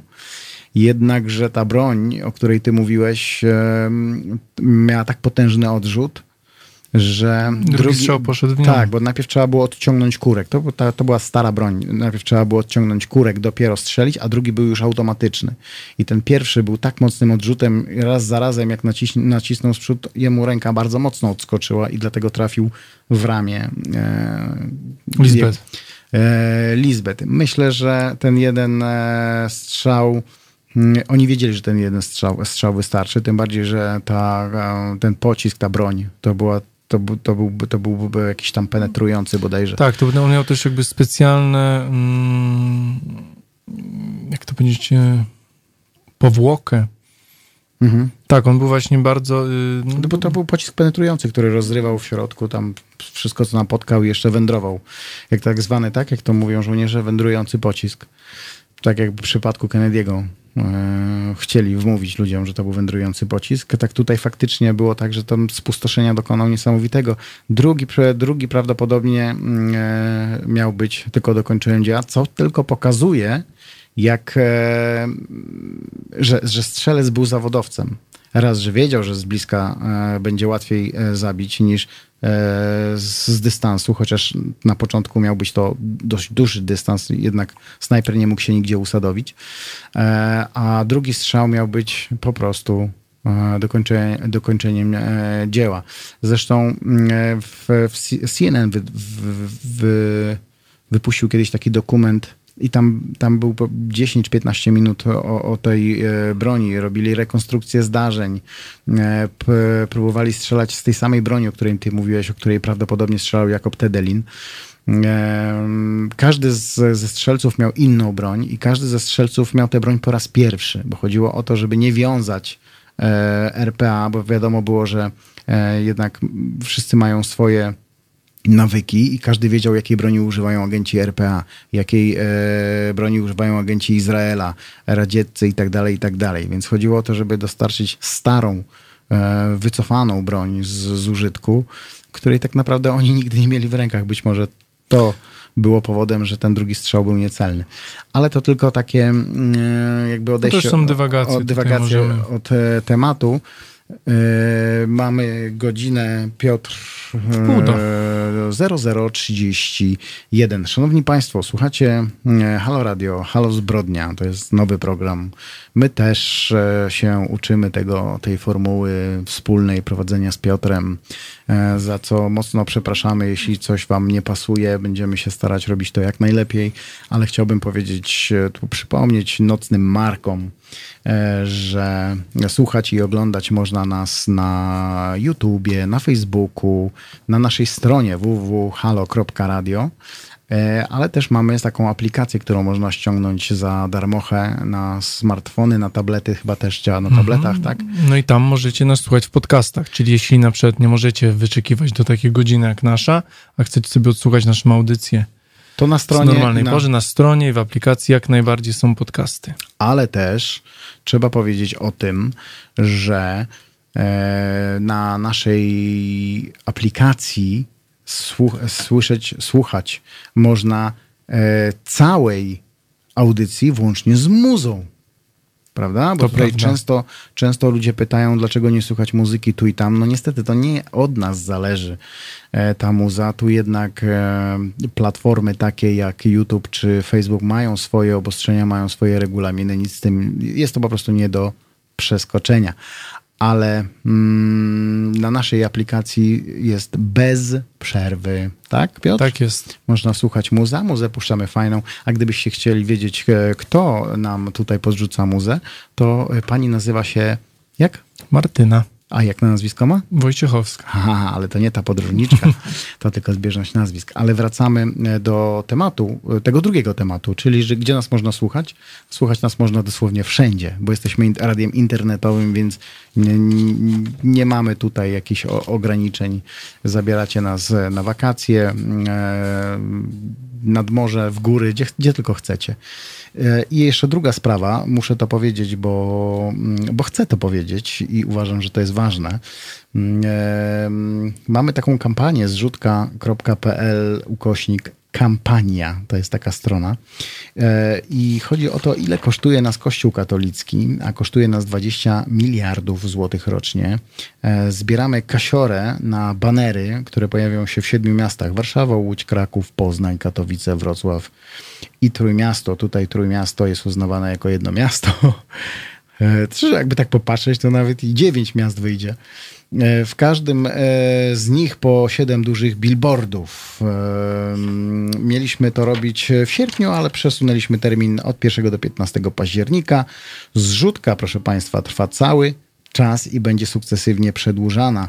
Od momentu pojawienia się pierwszych billboardów w miastach na stronie zrzutki będziemy raportować wszelkie koszty akcji, żeby to było clear, a nie tak jak e, ma Kościół i te 20 miliardów, które nie są clear. My się rozliczamy z każdej złotóweczki, którą nam dajecie, bo, bo was szanujemy i tak trzeba postępować Tak, z pieniędzmi, radio- które dostaje się od swoich. I to radio Darczyńców. e, jest e, po prostu Obywatelskie. obywatelskie i istnieje dzięki zdatków e, słuchaczy. Gdyby nie wy, to i nie my. Tak. Bez was nie ma nas. Bez was nie ma nas. E, Pomożecie? Pomożemy. Możemy. E, Piotrze, wracamy do, e, do sprawy, czyli Tak. zabójstwo Ulafa Palme, Palmego. Jak to zmieniło politycznie Europę, świat? Wydaje mi się. Aha, jeszcze przepraszam, Piotrze, zanim powiesz. Mhm. 22 39 059 22. Dzwońcie, jeśli chcecie z nami pogadać na temat e, tejże e, zbrodni. Mm, E, dzwońcie do Halo Zbrodnia. Pog- Pogadamy, może macie swoje. mm, Pomysły na audycję, może jakieś mm, uwagi do nas, może chcecie nas zachęcić, wspomóc nas, żebyśmy Może chcecie dalej... nas zniechęcić. Albo zniechęcić. Dzwońcie do nas. E, Słuchajcie, no my, ja tutaj namawiam, żebyście dzwonili do nas e, w sprawie e, ko- konkretnego tematu, czyli zabójstwa Ulafa Palmego, ale nie bójcie się, możecie dzwonić, dzwonić do nas i powiedzieć, co chcecie. No. Tylko żeby to było, jak to się mówi, parlamentarne. Tak. Ale znów zadam ci te pytanie, mm, jak to zmieniło Szwecję, bo chyba zmieniło e, i nie tylko Szwecję, Europę, bo chyba zmieniło i to bardzo, prawda? To była bardzo głośna sprawa, ja pamiętam. Bardzo, ja jestem no, tak no. stary, że ja to pamiętam. No ja nie pamiętam, musiałem czytać w książkach, chociaż też już młody nie jestem. No, Olof Palme był niewątpliwie jakby no politykiem pierwszej ligi. No to, była ktoś, to był ktoś wyjątkowy, ktoś, kto miał bezpośredni wpływ na to, jak ma wyglądać Europa, jak może wyglądać świat. Yy, W obrębie tej zimnej wojny, która, która jakby no, panowała w latach 80., to był człowiek, który starał się szukać tej trzeciej drogi, Która nie pasowała. która nie też. pasowała ani jednej, ani drugiej stronie. Dokładnie. Jakby e, dzisiaj, z dzisiejszego e, punktu widzenia, e, można zauważyć, że zimna wojna była bardzo opłacalnym e, bardzo opłacalna e, zarówno dla Związku Radzieckiego, Jak i dla Stanów jak i Zjednoczonych. dla Stanów Zjednoczonych, chociaż w wielu publikacjach mówi się o tym, że zimna wojna mm, zrujnowała gospodarczo e, Związek Radziecki, który mm, e, przez ten wyścig Amerykanie nie ścigali się z Rosjanami, ze Związkiem Radzieckim po to, żeby im udowodnić, że są lepsi. Tylko żeby ich zniszczyć. Tylko po to, żeby ich zniszczyć, bo, bo jednak budżet Stanów Zjednoczonych na wszelkiego rodzaju eskapady, czy to kosmos, czy to militarne na, do, do Kambodży, Laosu, e, Wietnamu i tak dalej, Korei, e, ich na to było stać. Nawet jeśli zrujnowali na chwilę gospodarkę Stanów Zjednoczonych, ta gospodarka się bardzo szybko odbudowywała, bo mieli mądrych ludzi. Jednak w Rosji, jak coś, w Związku Radzieckim, jak, jak na coś dawano pieniądze, jak się zaczęto ścigać z Amerykanami, tak nie mieli umiaru. To jest jak z jedzeniem lodów do pożygu. I tacy byli, e, taki był Związek e, Radziecki. Jak najbardziej. Teraz bardziej myślę właśnie o Afganistanie, właśnie, który też jakby przysporzył właśnie tutaj. I to Olaf Palme też był bardzo mocno przeciwko inwazji Rosji w Afganistanie. Mi się wydaje, że też w Związku Radzieckim jakby ten Afganistan był takim gwoździem do trumny, który jakby przyspieszył to, ten było- rozpad. Tam było mnóstwo takich rzeczy. Jeszcze, Ja, Ja, to mi teraz jednak- tak wpadło do głowy, Ja jednak szczerze. obstaję przy tym, że mm, e, zresztą jak tutaj napisał w swoich publikacjach Jan Stoklasa, czy to nie jest Polak, e, to jest e, Szwed z krwi i kości. Mm, Były, były polityk, bardzo prężny polityk, potem prężny biznesmen, aż w końcu prężny e, dziennikarz. To on przejął całe, e, całą schedę, e, jeśli chodzi o śledztwo po Stigu Larsonie, tego od milenium. E, I to on tak naprawdę doprowadził policję do Jakoba Tedelina. E, On doprowadził do tej broni, której ponoć policja nie znalazła. E, Być może Jan Stoklasa się mylił, jeśli chodzi o, o Tedelina i, Jakob, i, i broń od, od pana Jakoba. Jednakże mnóstwo rzeczy, które, o których informował SAPO i inne agencje i CIA zresztą, bo, bo obecna, obecna struktura CIA jest bardzo przeciwna tej, która, która była wtedy w latach 70., 80. i czy się tworzyła wtedy w latach chyba 70., tak? Czy 60. i 80. szczególnie, gdzie to była samowolka, to było państwo w państwie CIA. E, Zresztą jeden z byłych agentów CIA powiedział, że 99,9 e, konfliktów zbrojnych na świecie w latach 80. było wywołane przez CIA. Więc jakby no, to tylko pokazuje skalę ich działań. No nie dziwię się, bo tutaj jakby no w obliczu zimnej wojny, no jakby no tutaj obalano rządy, wiesz, Nikaragua, no przecież no, Ameryka Środkowa, Ameryka Południowa, no tam CIA robiło co chciała. No. Dzisiaj to już tak nie wygląda. I to, właśnie o, tym, o, o, o to cię pytałem, jak, jak to się odbiło na e, polityce i e, odpowiem sam sobie, że odbiło się to tak, że dzisiaj niestety em, ni, jakby mm, może nie zmieniło się to w ten sposób, że, że rządy patrzą e, jakoś przychylnym okiem na to, że ktoś taki jak e, Olof Palme się pojawia i próbuje zmienić, jakby próbuje być tą trzecią e, siłą, prawda? Nic się nie zmieniło. Zawsze tam, gdzie dwóch się bije, tam trzeci korzysta. W polityce jest odwrotnie. Tam, gdzie jeden próbuje szarżować, dwóch go zawsze napadnie i mu wpierdzieli tak, że głowa boli. I tak było właśnie ze Szwecją, tak jest, tak było z wieloma państwami, które chciały coś tam wskórać między No tak, tylko Dwie tak jak mówiliśmy strony. wcześniej, tak jak tutaj miałeś rację, mm, no metody się zmieniły. Metody się zmieniły, bo dzisiaj Zabójstwo polityczne nie, na takich najwyższych szczeblach władzy jest już w miarę rzadko spotykane. e, te lata, do, do lat bodajże wczesnych 90. zabójstwo polityka było, e, było, e, powiem brzydko, ale jak wyjście na zakupy, bo o tym się słyszało non-stop.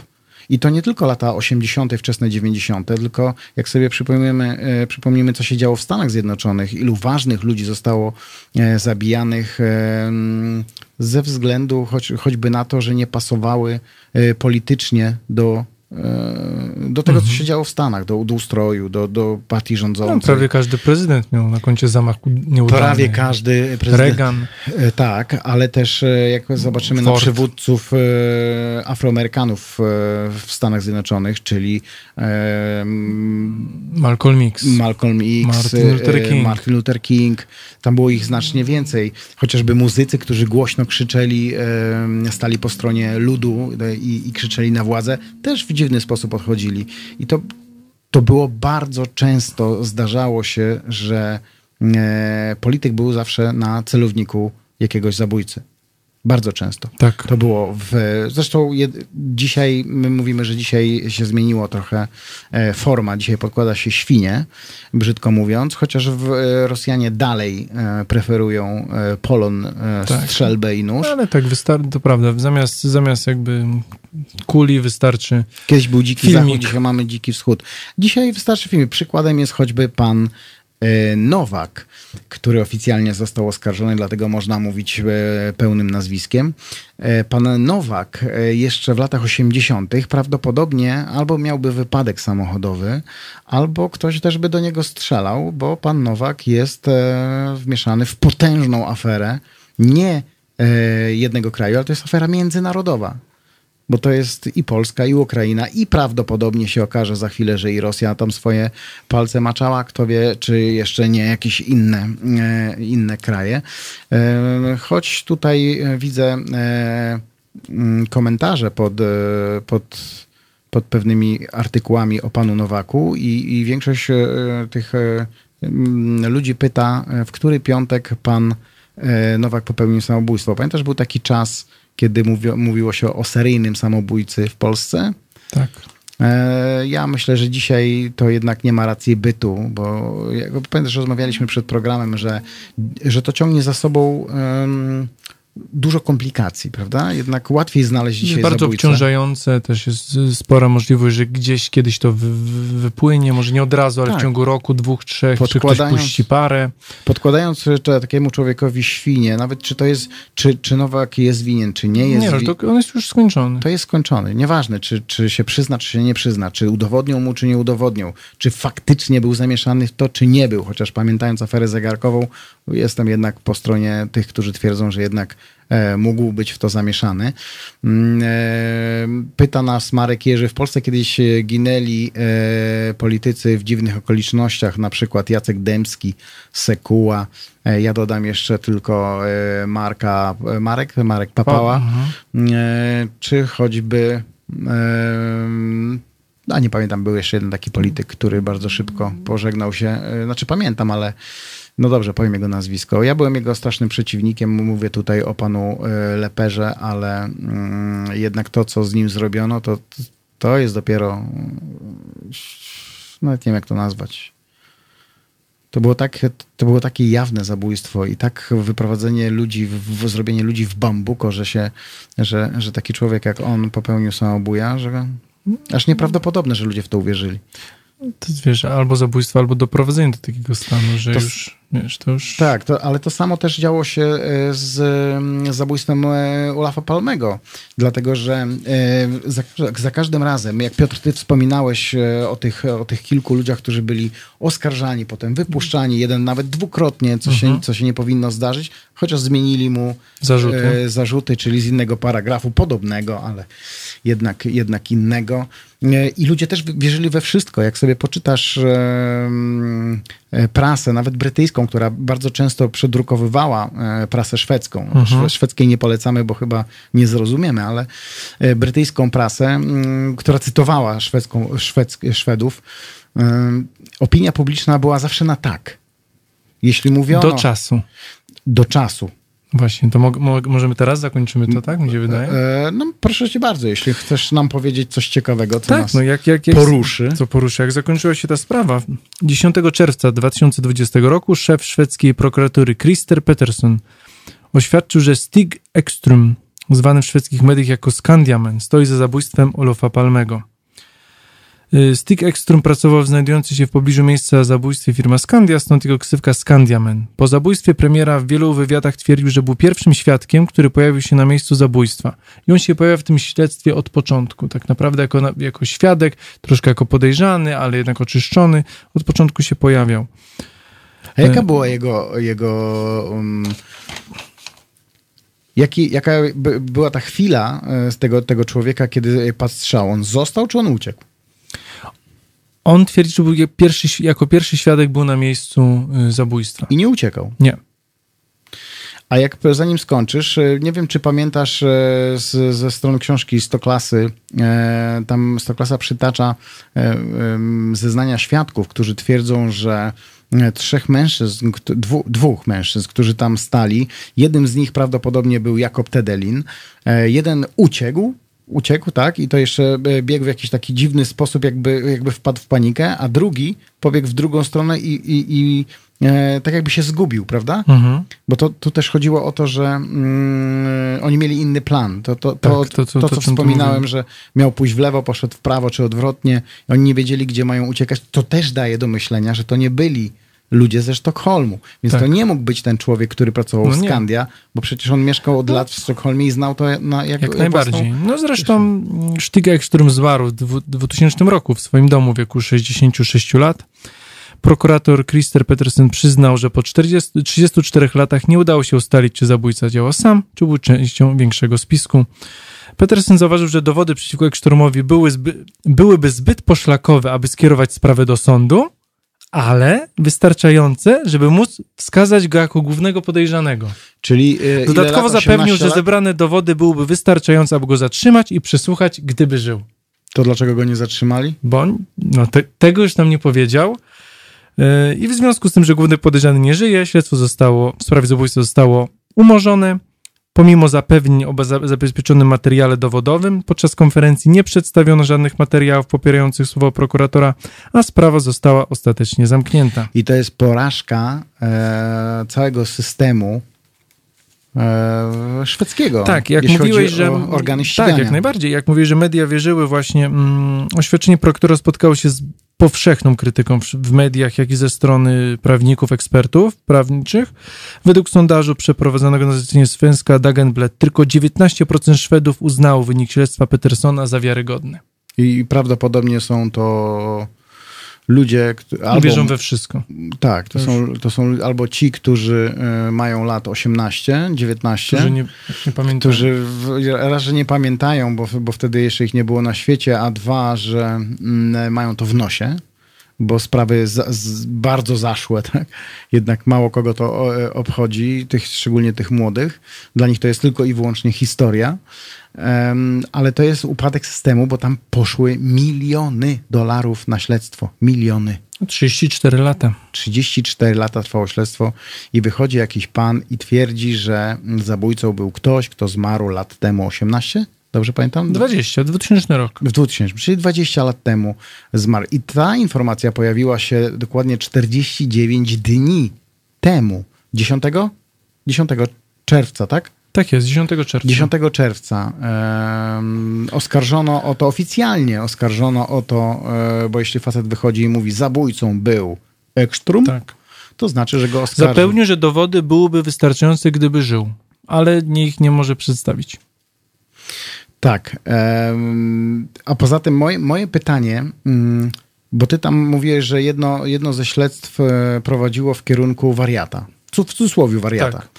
E, czyli ten człowiek, o którym my teraz rozmawiamy, czyli rzeczony pan Ekstrom musiał być wariatem, bo kto strzela do premiera Szwecji kilka metrów od miejsca swojej pracy? Tak.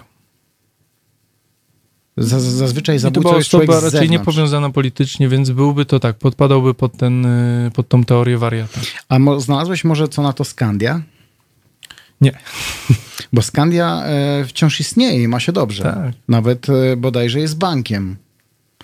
E, ma, ma jakoś tam, to, to jest bardzo rozległy biznes. E, ubezpieczenia, tak? Bank, e, grąbie co tam jeszcze. Wypożyczalnie samochodów chyba też mają. I, I ja właśnie też nie znalazłem co na to Skandia. Ja bardzo się zdziwiłem, kiedy usłyszałem ten, te oświadczenie tego szefa, poli, szefa prokuratury. Tak, szef prokuratury. szefa prokuratury, to było dosyć zaskakujące, bo ci powiem, że mm, po 34 latach można było to rozwiązać trochę inaczej. Można było nawet umorzyć śledztwo ze względu na niewykrycie sprawców po tylu latach. Ale przedstawiać zabójcę faceta, który nie żyje od 20 lat, to jest takie Nie dając żadnych dowodów nowych. to tak samo jak ja bym powiedział, że e, dzisiaj bym poszedł na skargę do kogoś, że 20 lat temu ktoś mi coś ukradł. Takie rzeczy się nie mówi już dzisiaj. Już tyle lat minęło, że oskarżać kogoś sprzed 20 lat, mając dowody, które są, jak ty powiedziałeś, niewystarczające. Y, Przeczytam, bo to jest cytat, który też mnie zafascynował. Mm, Dowody przeciwko Eksztormowi byłyby zbyt poszlakowe, aby skierować sprawę do sądu, Okej. ale wystarczające, aby móc dzisiaj wskazać go jako głównego podejrzanego. Czyli okej, można, gdyby facet żył, to y, piszemy w mediach imię, nazwisko, oskarżamy pana o zabójstwo, niestety nie posadzimy pana, bo nie mamy na to dowodów. Tak jak zrobili to z Wiktorem, Wiktorem Petersenem i z Krzysztofem, y, znaczy z, z, z, mm, z, z Kristerem Petersenem i z Wiktorem tym wcześniejszym. Dokładnie tak samo. Postawione zarzuty i wypuszczenie po jakimś krótkim czasie. Mhm.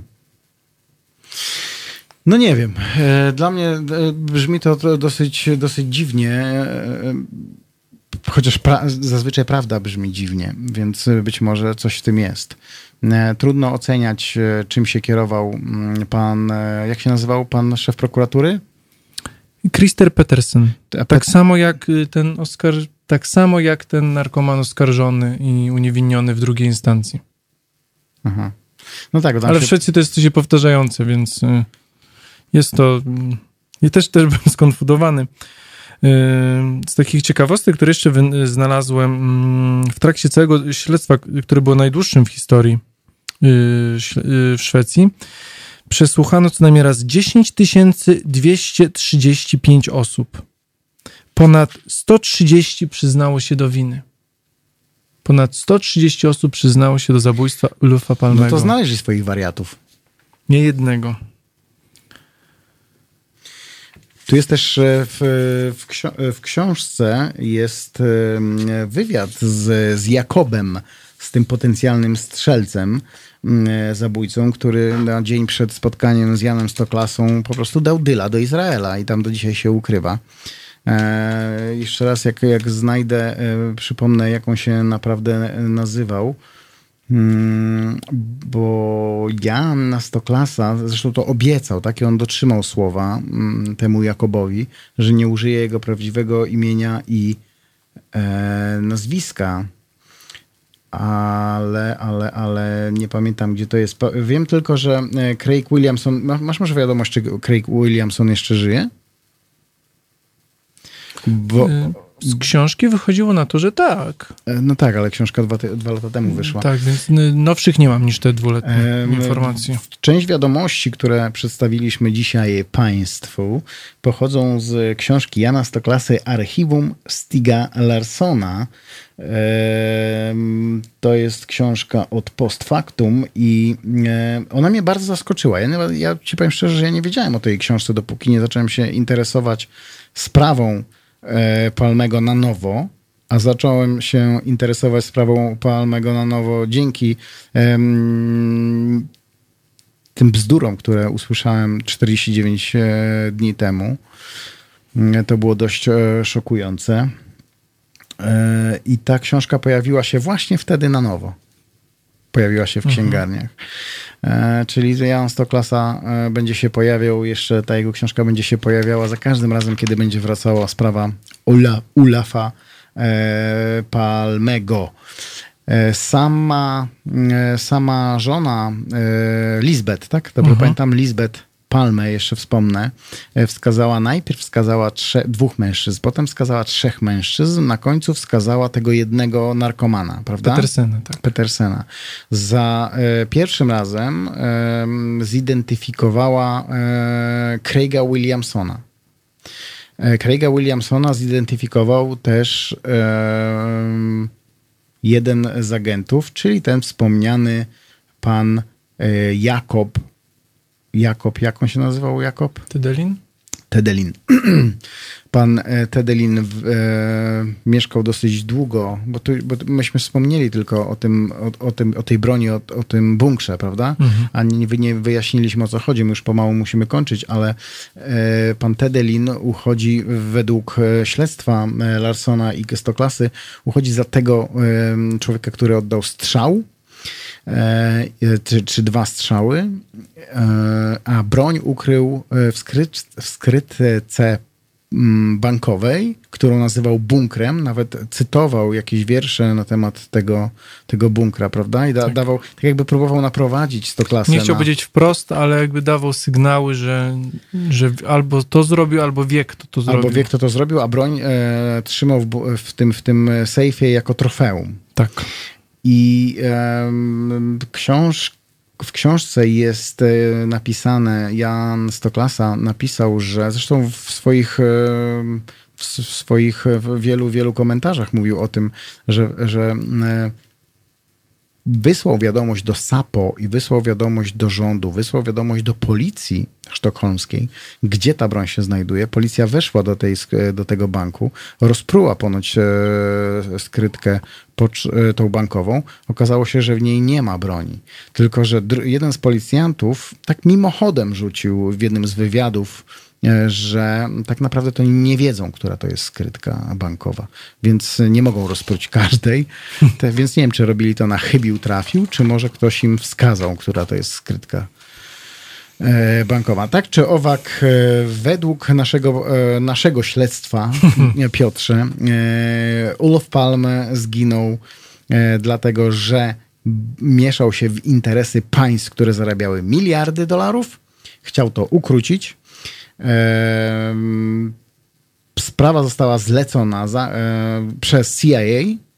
Amerykanie nie chcieli się w to mieszać. Na swój garb wzięło to RPA, Które też bardzo mm, traciło mm, na handlu bronią, ropą a przez nie działania mogąc, Pelmego. Tak, a nie mogąc e, użyć strzelców e, ciemnoskórych e, w bardzo e, białej Szwecji, tak? Bo jednak to są jasna karnacja, białe włosy, no i każdy jeden o innej karnacji rzucałby się w oczy, tym bardziej z krótkofalówką czy z bronią w ręku.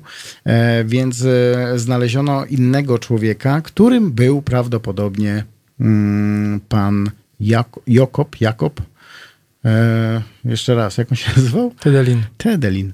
E, Jakob Tedelin. E, Tedelin chciał wydać wszystkich agentów, chciał powiedzieć, jak to było, jednak prawdopodobnie coś mu się odmieniło i dał dyla do Izraela dzień przed spotkaniem z panem Stoklasą. Stoklasa twierdzi, że to Jakob Tedelin strzelał i na tym kończymy.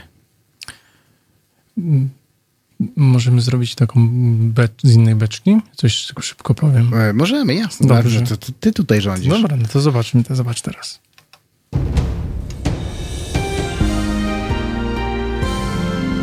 W sobotę Niekwestionowany autorytet w dziedzinie nauki, jej miłośnik i pasjonat, człowiek renesansu, czyli Wiktor Niedzicki, zaprasza Państwa do swojego świata, jak zawsze z niesamowitymi gośćmi.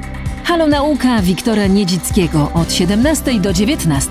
www.halo.radio. Słuchaj na żywo, a potem z podcastów.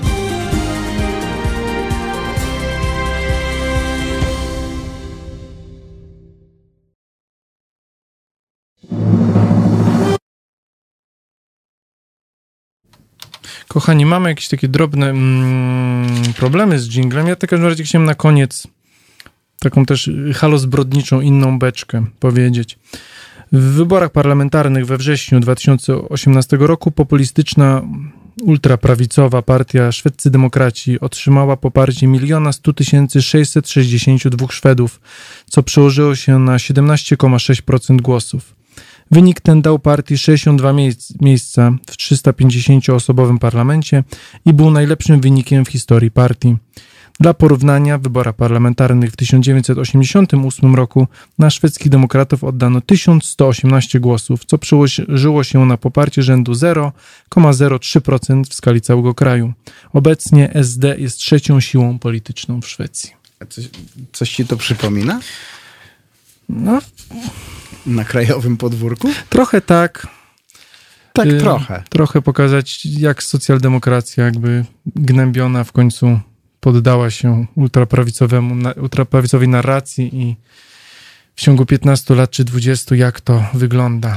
To jest też odpowiedź na e, moje pytanie, e, co się tak naprawdę zmieniło po zabójstwie Palmego. Zmieniło się, zmieniło się bardzo dużo. Bardzo zmieniła się siła polityczna. Siła polityczna y, prawicowych ugrupowań, Tak. które z, z, tak jak czytałem, z tysiąca głosów Teraz zdobywają ponad milion sto tysięcy. Przeszły Ale- do mainstreamu. To się dzieje na cały, w całej Europie. Już nie powiem, że na całym świecie, ale w całej Europie to się dzieje. Tak. I na tym kończymy nasz dzisiejszy program Halo Zbrodnia. Zapraszamy za tydzień. Zapraszamy. Ale to będzie niespodzianka, bo tak naprawdę nie wiemy, czym, Co będzie za tydzień? co będzie za tydzień, co się wydarzy, bo mamy tutaj pewne roszady. Dobranoc. Dobranoc. Piotr Kurczewski. Iwo Wuko.